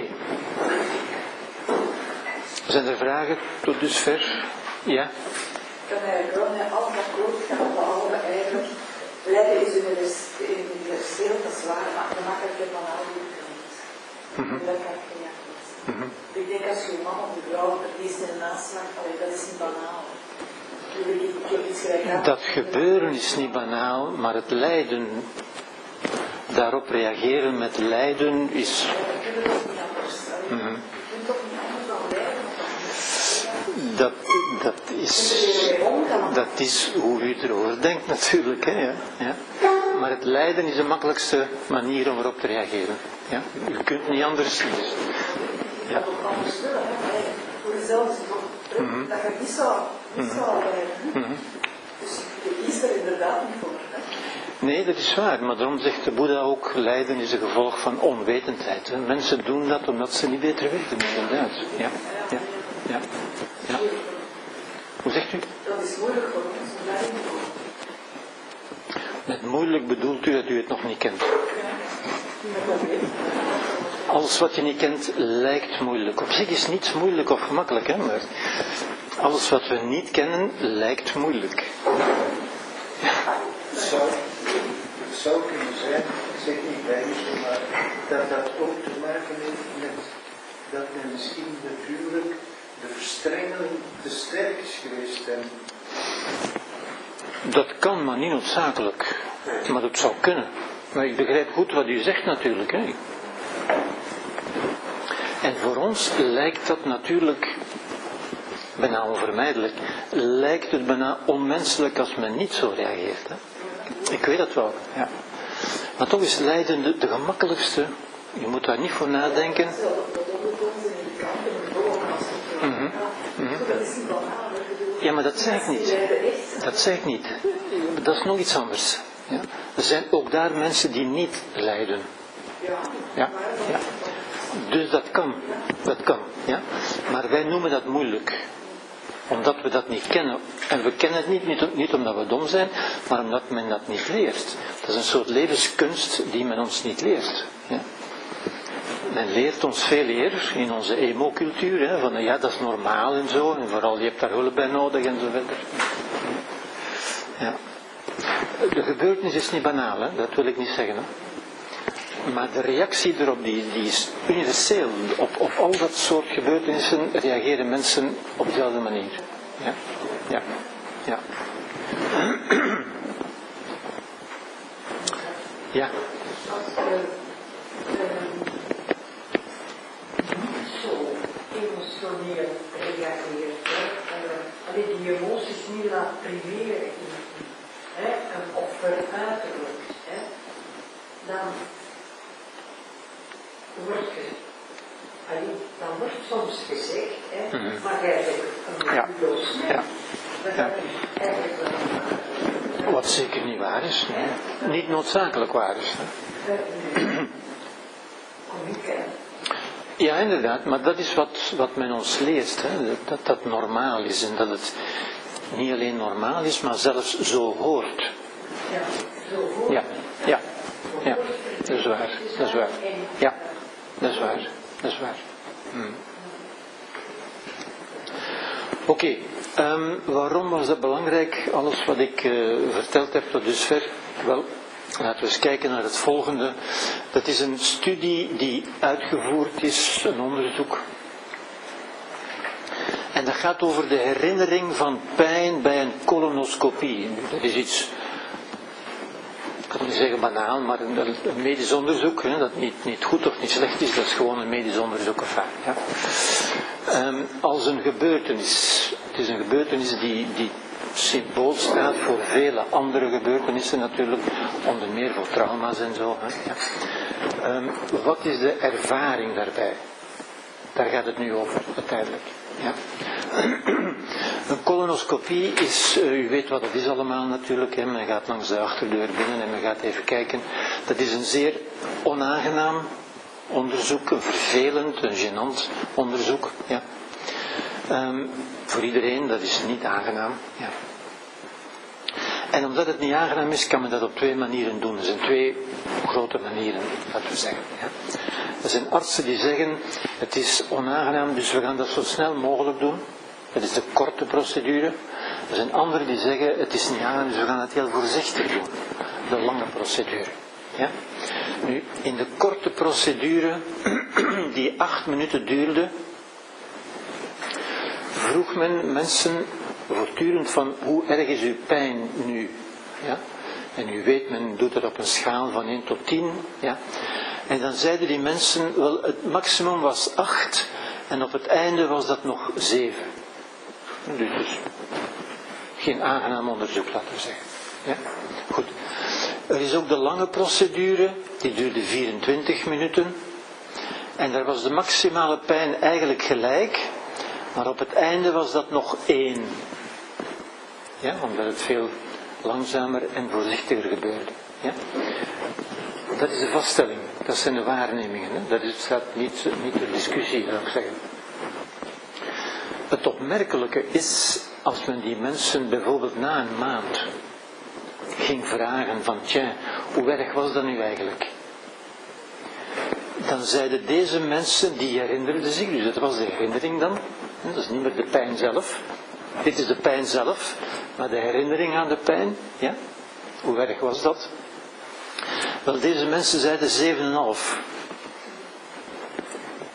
Toevallig juist het gemiddelde tussen 8 en 7. Ja? En deze mensen zeiden 4,5.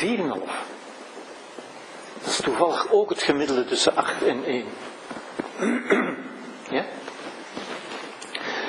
Met andere woorden, wat zegt dat?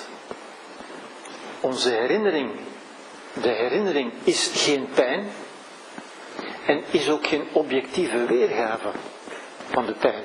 Is een soort gemiddelde. Onze herinnering, het verhalende ik, noem ik dat, hè? dat is onze herinnering, dat is wat we ons vertellen. Hoe erg was dat nu? Hoe erg vond ik dat nu? Ja? Dit is het waarneming. De, het verhalende ik, de herinnering, herinnert zich de gemiddelde pijn. Heel merkwaardig. En toch ook wordt dat bevestigd door vele andere waarnemingen. Ja? En dat is natuurlijk onmiddellijk van belang ook voor, voor de herinnering aan traumatische gebeurtenissen, dat begrijpt u natuurlijk. Ja? Er is dus twee keer een ik, zoals, zoals we daarnet eigenlijk ook zagen. Ja? Er is het ik, ik weet dat het onzinnig is, maar ik kan er niks aan doen. Dus het zijn alsof dat twee ikken zijn. En ook hier is dat zo. Ja? Er is een ervarend ik.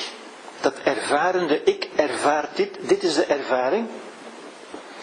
En er is een verhalend ik. En dat is de, het verhalende ik. Ziet u, dat zijn twee. Ook daarom noem ik dat de dubbele aard van de mens. En dat is bij ieder van ons zo. Ja? En toch zijn wij overtuigd natuurlijk ja, van, ja ja, wat ik herinner me zoals het was. Ja, daar zijn we altijd van overtuigd. Het was zo. Ja? Ook voor de rechtbank, de getuigen, de herinnering, dat is, ik herinner het me. Ja? En wij denken dat onze herinnering een getrouwe weergave is van de feiten, terwijl het in feite gaat om een gemiddelde. Ja? En in dit soort eenvoudig experiment, dat is een zeer eenvoudig experiment, komt dat zeer duidelijk naar voren. Het komt ook in andere dingen naar voren natuurlijk. Ja? Het geheugen is dus geen getrouwe weergave, maar een reconstructie. Ook dat is belangrijk om te weten. Om over onszelf te weten. Want intuïtief, u weet weer intuïtief, hè? weet intuïtief is de aarde plat en draait de zon rondom ons. Ja? Nou, als we een beetje nadenken, weten we, die intuïtie is niet waar. Ja? In werkelijkheid is de aarde rond en draaien wij rond de aarde. Ja? In werkelijkheid is ons geheugen waarvan we overtuigd zijn, ja, ik was er toch bij. Ik weet het toch wel zeker? Nee. Want ons geheugen van ieder van ons, dat is niet omdat we dat zo willen, maar zo werkt het gewoon. Ja? Is geen getrouwe weergave, maar een reconstructie, een ensenering, een heropvoering in feite. Ja? Nu, de herinnering aan pijn is zelf geen pijn, natuurlijk. Ja? En ook dat is een merkwaardig iets. Hè? Een herinnering kan toch geen pijn doen? U herinnert zich de pijn, het was pijnlijk. Maar eraan denken doet toch geen pijn? Ja? Een kind verwacht dat weer natuurlijk. Hè? Ja? Als, ik aan een, als ik aan een tijger denk, dan moet ik niet gaan lopen, hè, want, want er is geen tijger. Hè, want ik weet, dat is maar mijn beeld van een tijger. Ja? De herinnering aan pijn is mijn beeld van die pijn. Ja? Toch zeggen vele mensen natuurlijk, hè, u weet waar ik op doel natuurlijk, hè, mensen zeggen ik draag mijn verleden met mij mee. Nee, ze dragen natuurlijk, natuurlijk niet het verleden. Ze hebben wel de herinnering aan een verleden. Ja? Maar de herinnering kan toch geen pijn doen? Het verleden kan pijnlijk geweest zijn, dat wil ik absoluut niet ontkennen natuurlijk. Maar de herinnering eraan kan toch geen pijn doen? Ja? Tenzij u die herinnering verwart met een realiteit, wat vele mensen doen. Ja?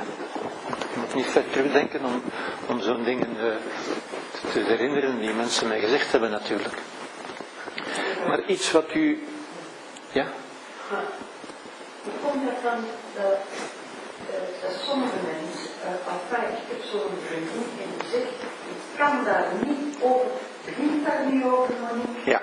ja. Dat is maar heel. Wel, die maakt, het, die maakt het zichzelf moeilijk. Die maakt het zichzelf moeilijk. Ja? Ik ga daar ook op terugkomen hoor, achteraf als we het over, over de therapeutische benaderingen gaan hebben. Ja? Want op die manier houdt ze het eigenlijk in stand. Door te weigeren van erover te praten en erover te denken. Ja? Als u erover denkt, zoals we door het denken en door onderzoek zijn gaan inzien, de aarde is niet plat, ze is rond en ze draait om de zon. Hè? Ook al zegt onze intuïtie iets anders, En dat is altijd het probleem.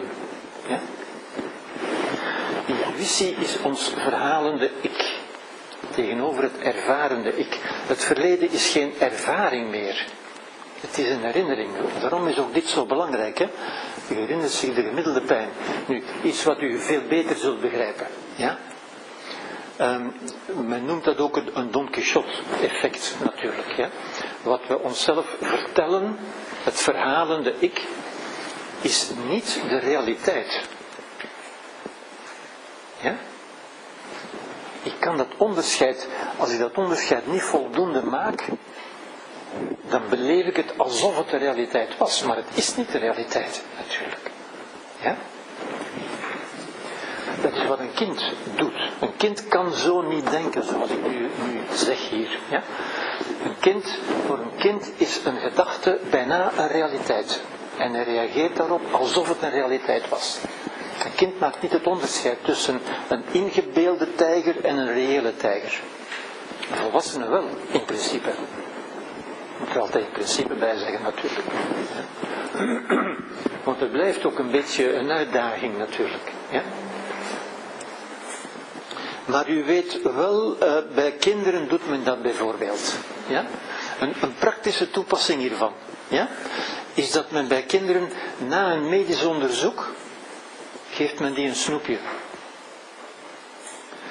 En wat zal dat kind zich herinneren? Het gemiddelde. Ja? Zo werkt ons geheugen gewoon. Ja? Maar nog een straffer, straffer voorbeeld, ja? is het trauma van een bevalling. Een bevalling is toch wel een traumatisch gebeuren, zou ik denken. Dat is toch een bijzonder pijnlijke zaak. Ja? Toch denken de meeste mensen daaraan terug als aan een gelukkige gebeurtenis. Dat is toch wel merkwaardig. Je zou toch wel denken, na zo'n ervaring zeggen vrouwen toch van dat nooit meer. Nee, ze willen nog. Dat is toch wel heel merkwaardig. Ja? U vindt, ja, ja, u vindt dat normaal, hè? maar weet u, dat is, u, dat is uw verhalende ik. Uw ervarende ik is in het verleden. Hè? Het was heel pijnlijk. Maar toch herinnert u zich dat als een gelukkige gebeurtenis. Waarom? Omdat er een snoepje kwam. En, en iedereen stond daar rond te applaudisseren. Oh, fantastisch, je hebt dat zo goed gedaan. Het is zo'n mooie baby en zo verder. Ja? Het eindigde en u herinnert zich de gemiddelde pijn. En het komt globaal over, ja, ja. Zegt, ja, het was wel pijnlijk hoor, maar het was toch, oh, het was toch een fijne gebeurtenis.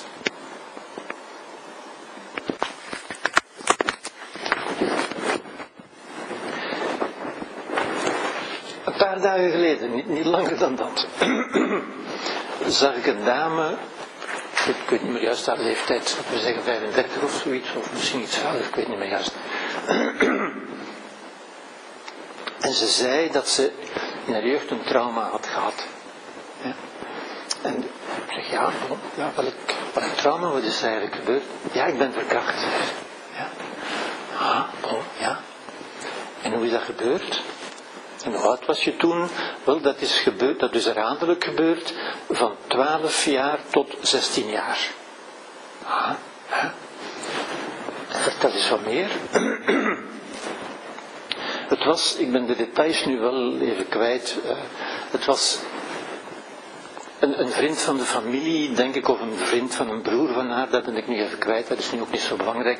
Een man die wat ouder was dan zij, die in, in de twintig was, denk ik. Ja? En die, met wie zij dus seksuele ervaringen had gehad. Ja?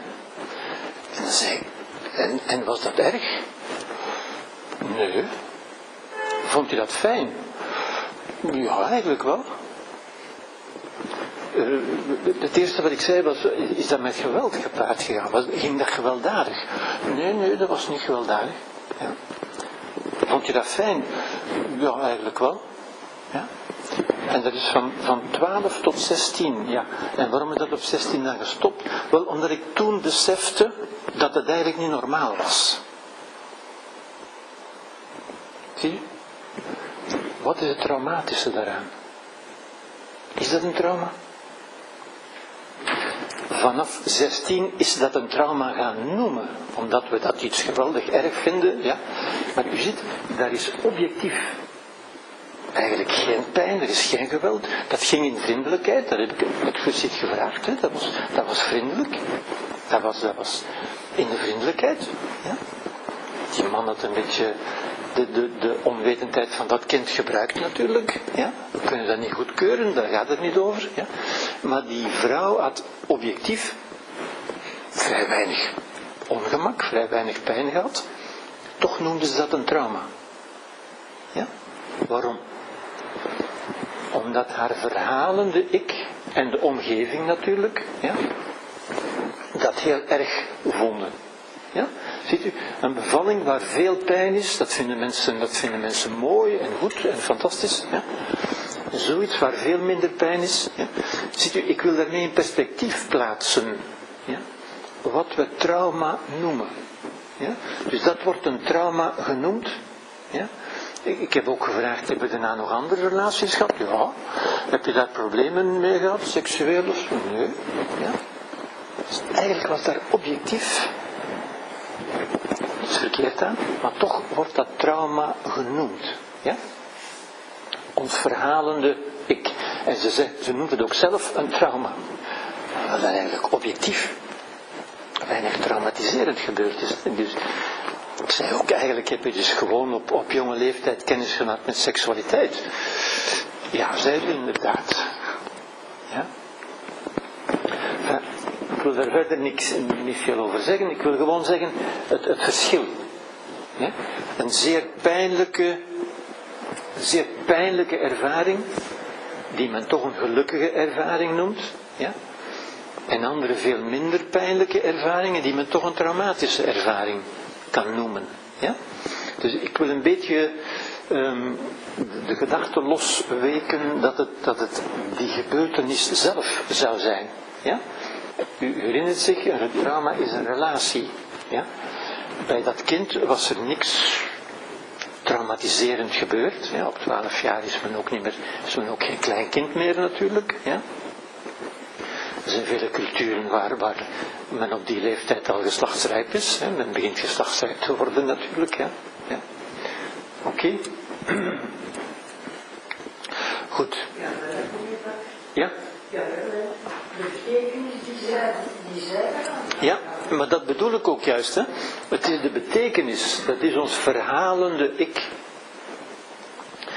En de betekenis die hier ook door de omgeving aangegeven wordt, vooral ja? Ik denk bij vele kinderen is het traumatische meer gelegen in de reactie van de volwassenen eromheen dan in de gebeurtenis zelf. Ja? Volwassenen die, die dan gepanikeerd reageren en, en, en zeggen dat, er, dat het heel erg is geweest enzovoort, terwijl dat niet de ervaring is. Ja? Maar dat wordt het verhalende ik. Ja? Dus iets wat relatief zachtaardig was, eindigt met een negatieve betekenis. Terwijl in die bevalling is het iets wat eigenlijk ja, toch letterlijk verscheurend is, zou ik maar zeggen. Ja? Ja? Ja? Je kunt het niet anders noemen, denk ik. Hè? Als, als u dat nu objectief zou bekijken, zeg je toch die, dat is een geweldig lijden. Of, iemand die nu niet zou weten wat er gebeurt. En die zou dat zien van buitenaf. Ze zeggen, maar mensen, dat kan toch niet? Iemand die zo lijdt, dat kan toch niet? Ja?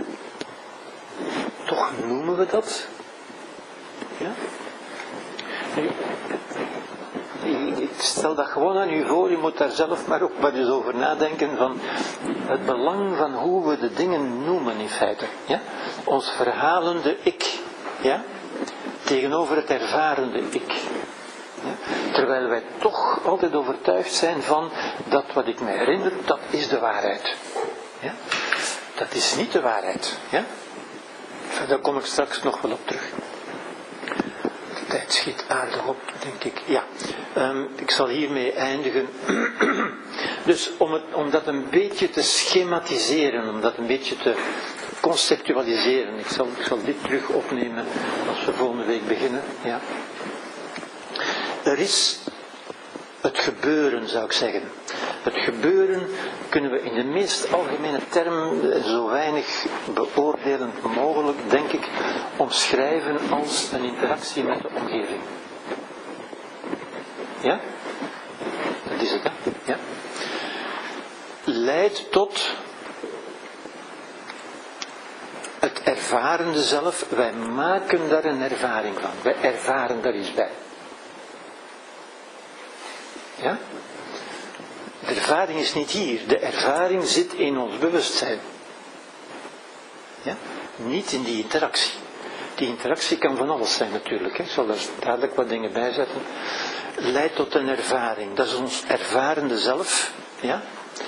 Maar dat leidt, state of mind, ja, we zeggen onze gemoedstoestand op dat moment, de emotie, zeg maar. probeer het zo algemeen mogelijk te, te benoemen, in feite. Ja. En dat leidt tot een verhaal dat we daarover ophangen, onszelf vertellen, tegen anderen vertellen, maar tegelijk tegen onszelf. En dat is ongelooflijk belangrijk. Ja? Als we, zoals, zoals u net, als we tegen onszelf, als u tegen mij zegt van ja, maar dat is toch moeilijk, Tegelijk geeft u aan uzelf het signaal, dat is moeilijk. Creëert de ervaring van moeilijk. Ja? En dat beseffen we niet genoeg. Daar zijn we niet genoeg alert op.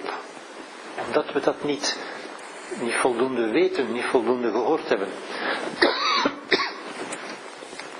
Dus dat is de interne context. Dit is de externe context, de interactie met de buitenwereld. Dit is de interne context. Ja?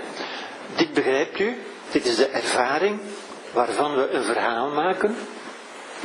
Wat we niet voldoende weten en wat ik u proberen uh, aan te tonen, is dat dat verhaal ook onze ervaring bepaalt. Namelijk of wij een bepaalde gebeurtenis, een gelukkige gebeurtenis noemen, of een ontoelaatbare gebeurtenis, of we het een gebruik noemen of een misbruik bijvoorbeeld. Ja, en u, u ziet, we gebruiken die manipulerende woorden. Als we iets een misbruik noemen, wordt het al negatief. Ja? Dus ons verhaal bepaalt tegelijk onze ervaring. En onze ervaring bepaalt tegelijk hoe we die interactie gaan, gaan benoemen, in feite, hoe we die gaan herinneren, feite. Ja? Dan ziet u die wisselwerking. Dus u begrijpt ook, ik wil daarmee heel duidelijk maken, ja, dat een trauma niet zozeer zit in de interactie met de externe context, het gebeuren, maar dat het een heel proces is. Iets is traumatiserend als we het traumatiserend noemen of als het ons als traumatiserend wordt benoemd door volwassenen. En kinderen kijken altijd naar volwassenen. Als aan kinderen zoiets gebeurt, ja, dan kijken kinderen naar volwassenen. Want kinderen begrijpen in eerste instantie niet wat er gebeurt. En die kijken naar volwassenen, naar de ouders. Van wat, wat, wat is dat? Wat gebeurt er met hier? als die dan gepanikeerd en getraumatiseerd reageren, gaan die kinderen ook geloven dat het een traumatische gebeurtenis was. Zie, begrijpt u? Ja? Ja?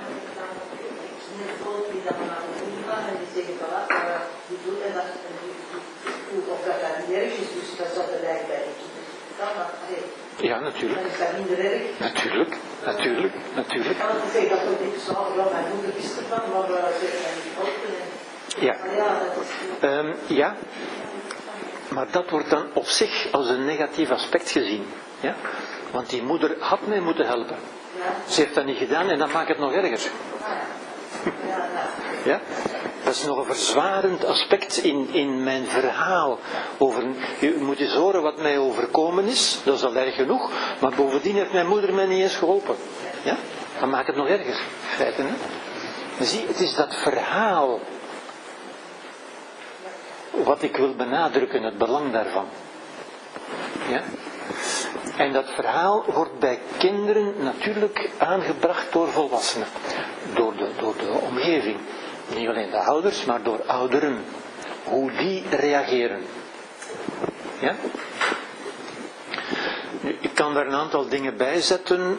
Die interactie, dat, is, dat zijn waarnemingen, dat is gedrag, dat is communicatie, dat kan ook kunst zijn. Alles wat wij doen of wat ons gebeurt in de buitenwereld, symptomen, verslaving, delinquentie, depressie, dat zijn dingen die wij kunnen doen. Ja? Die kunnen wij, dat kan onze interactie gaan bepalen. Als we bepaalde dingen gaan geloven, zullen we bepaalde dingen gaan doen. Ja? Bijvoorbeeld ons depressief gedragen. Ja? Als we gaan geloven dat het leven geen zin meer heeft, dan gaan we ons depressief gedragen. Ja? Is dat het gevolg van? Dat is het gevolg van wat wij geloven. Ja? En mensen, dat beseffen mensen niet genoeg.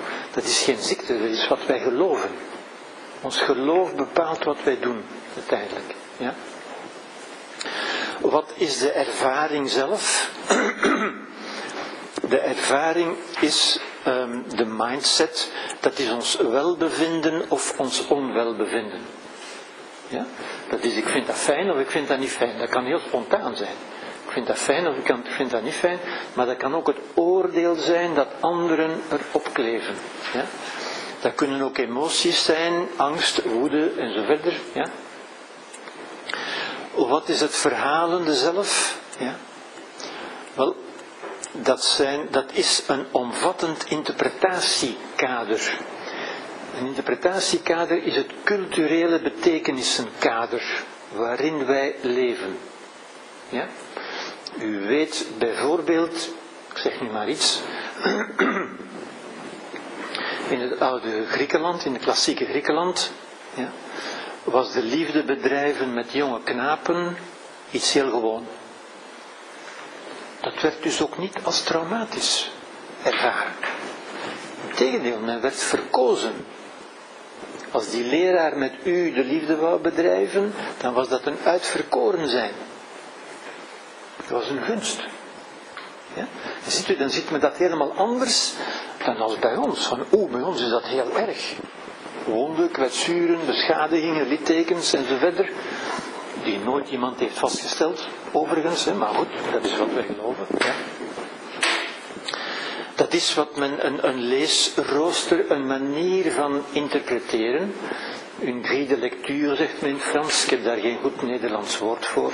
Een manier om, de, om feiten te lezen, om betekenissen te geven, dus met andere woorden. Iets waarvan wij meestal onbewust zijn. En dat is het belangrijke ook weer. Ja? We zijn ervan onbewust in de zin dat wij denken van dat is toch normaal. Het is zodanig normaal dat wij niet beseffen dat dat maar een manier is om de dingen te interpreteren. Ja? Maar die vinden wij normaal. Normaliteit, met andere woorden. Ja? Ziet waar vele filosofen het over gehad hebben. Ja? Um, wat men in de wetenschap een paradigma noemt nu minder belang hier, dat wil zeggen een manier om naar de dingen te kijken, ook in de wetenschap. Ook de wetenschap heeft een manier om naar de dingen te kijken. Ja? Dat is een bepaalde bril waardoor u kijkt. Ja? Wij kijken door die bril en meestal beseffen we niet dat dat een bril is. Wij denken ook dat is intuïtie, dat wij de realiteit zien zoals ze is. Ik ben er toch bij, ik zie het toch. We vergeten dat wij een bril op hebben. Ja? Dat is juist wat filosofie doet. Filosofie kijkt naar die bril. Wij kijken door die bril. Ja? Een aantal filosofen hebben het over gehad. Ik, noem, dat, ik noem dat maar even.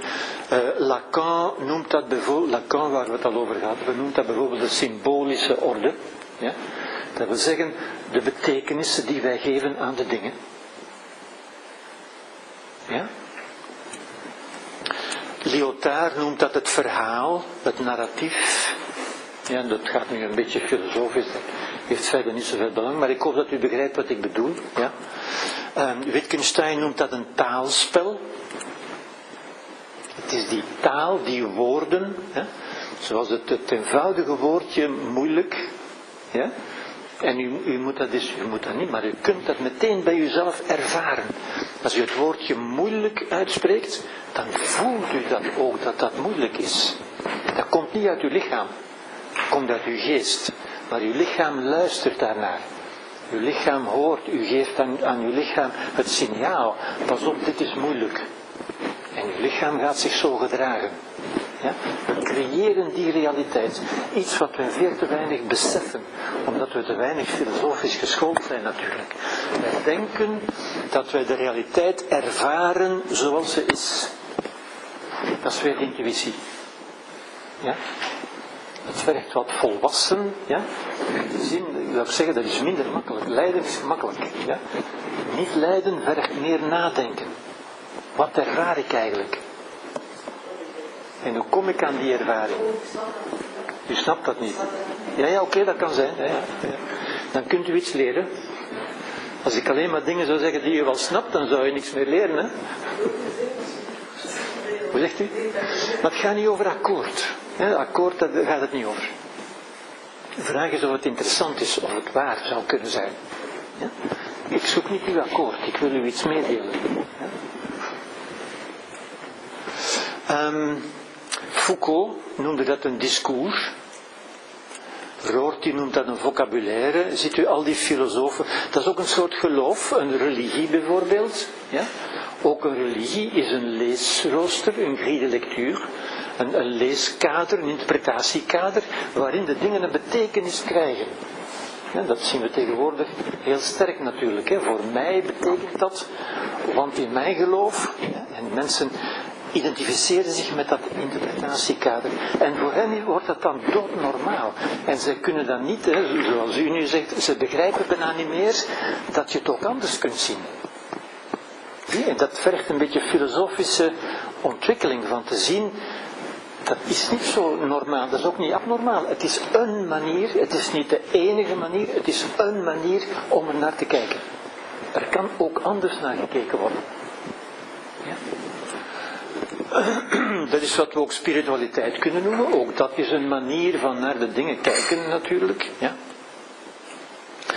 Voilà, daar wil ik voor vandaag mee, mee afsluiten. Tenzij er nog vragen bij u zijn hierover. Dus ik hoop dat u. ik zal dit volgende keer uh, terugtonen om daar terug mee te beginnen, want het is, het is natuurlijk heel belangrijk dit. Hè omdat het iets zegt over de realiteit, over onze ervaring van de realiteit en over ons, ons interpretatiekader van de realiteit, waarvan we ons vaak niet bewust zijn. En, en dat is juist een stukje filosofie ook, daar bewust van worden. Ja. Is dat dan de, de woorden, als u uitlegt, om, om dan Tuurlijk. Tot het inzicht te komen, wat moeten we doen met een... Ja, ja, zeker, zeker, zeker. Want als u dat niet hebt, ja, dan bent u ook, dan bent u ook in, die, in die normaliteit. Hè? Als u zegt van, ja, maar dat is een trauma en ik ben slachtoffer. Punt, gedaan. Dan kunt u er niks meer aan doen. Ja? Het is pas als u, als u dat wat, als u die, die gedachte gaat loswrikken, dat u er iets kunt mee gaan doen. Uiteindelijk. Ja? Ja? Als het echt zo zou zijn, het verleden kunt u niet veranderen. Als, u, als dat verleden echt de oorzaak zou zijn, ja, dan bent u veroordeeld, want dat kunt u niet veranderen. Wat u wel kunt veranderen, is hoe u denkt over uw verleden. Ja. En dat denken over uw verleden bepaalt mee uw ervaring. Ja. Niet de ervaring van toen, maar wel de ervaring van nu. Maar goed, daar kom ik allemaal op terug volgende week. Heel interessant getoond. Ah, dank u wel. Alleen weergave van, van hoe dat je, opleeft. Ja, ja. dat was natuurlijk begin om, u dat, om dat los te wrikken bij u. Hè, van, van die intuïtie, want die speelt ons altijd parten. Ja? We zijn zo overtuigd van, ik herinner me toch wel wat er gebeurd is, ik was er toch wel bij. Sorry, uw herinnering werkt zo niet. Hè? Ja? Soms zo dat een, een herinnering dezelfde neurologische circuits kan activeren. Zeker. Ja, op het moment. Zeker, zeker, ja, zeker, zeker. Zeker. Zeker, zeker, ja. Maar ook dat kunt u, maar dat zal ik volgende week, als we het over de therapeutische benaderingen, er zijn manieren natuurlijk om dat, om daar iets mee te doen, zou ik. Dat en het terug aanvuren van die neurologische Eh, om, om die koppeling wat los te wrikken, zou ik zeggen. Ja. Hoe zegt u? De de cortex. Ja, dat is te mechanisch gedacht, zo, zo wil ik het eigenlijk niet zeggen. Maar... Het is niet zo mechanisch, het is geen machine waar je kunt dingen sluiten en openen en zo. Nee. Maar u zult volgende week wel uh, wat zien. Hoe zegt u? Anders.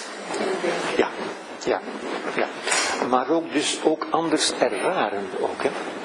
ook voor fobieën kan dat door en dat is belangrijk, want het is hetzelfde uiteindelijk. Ja.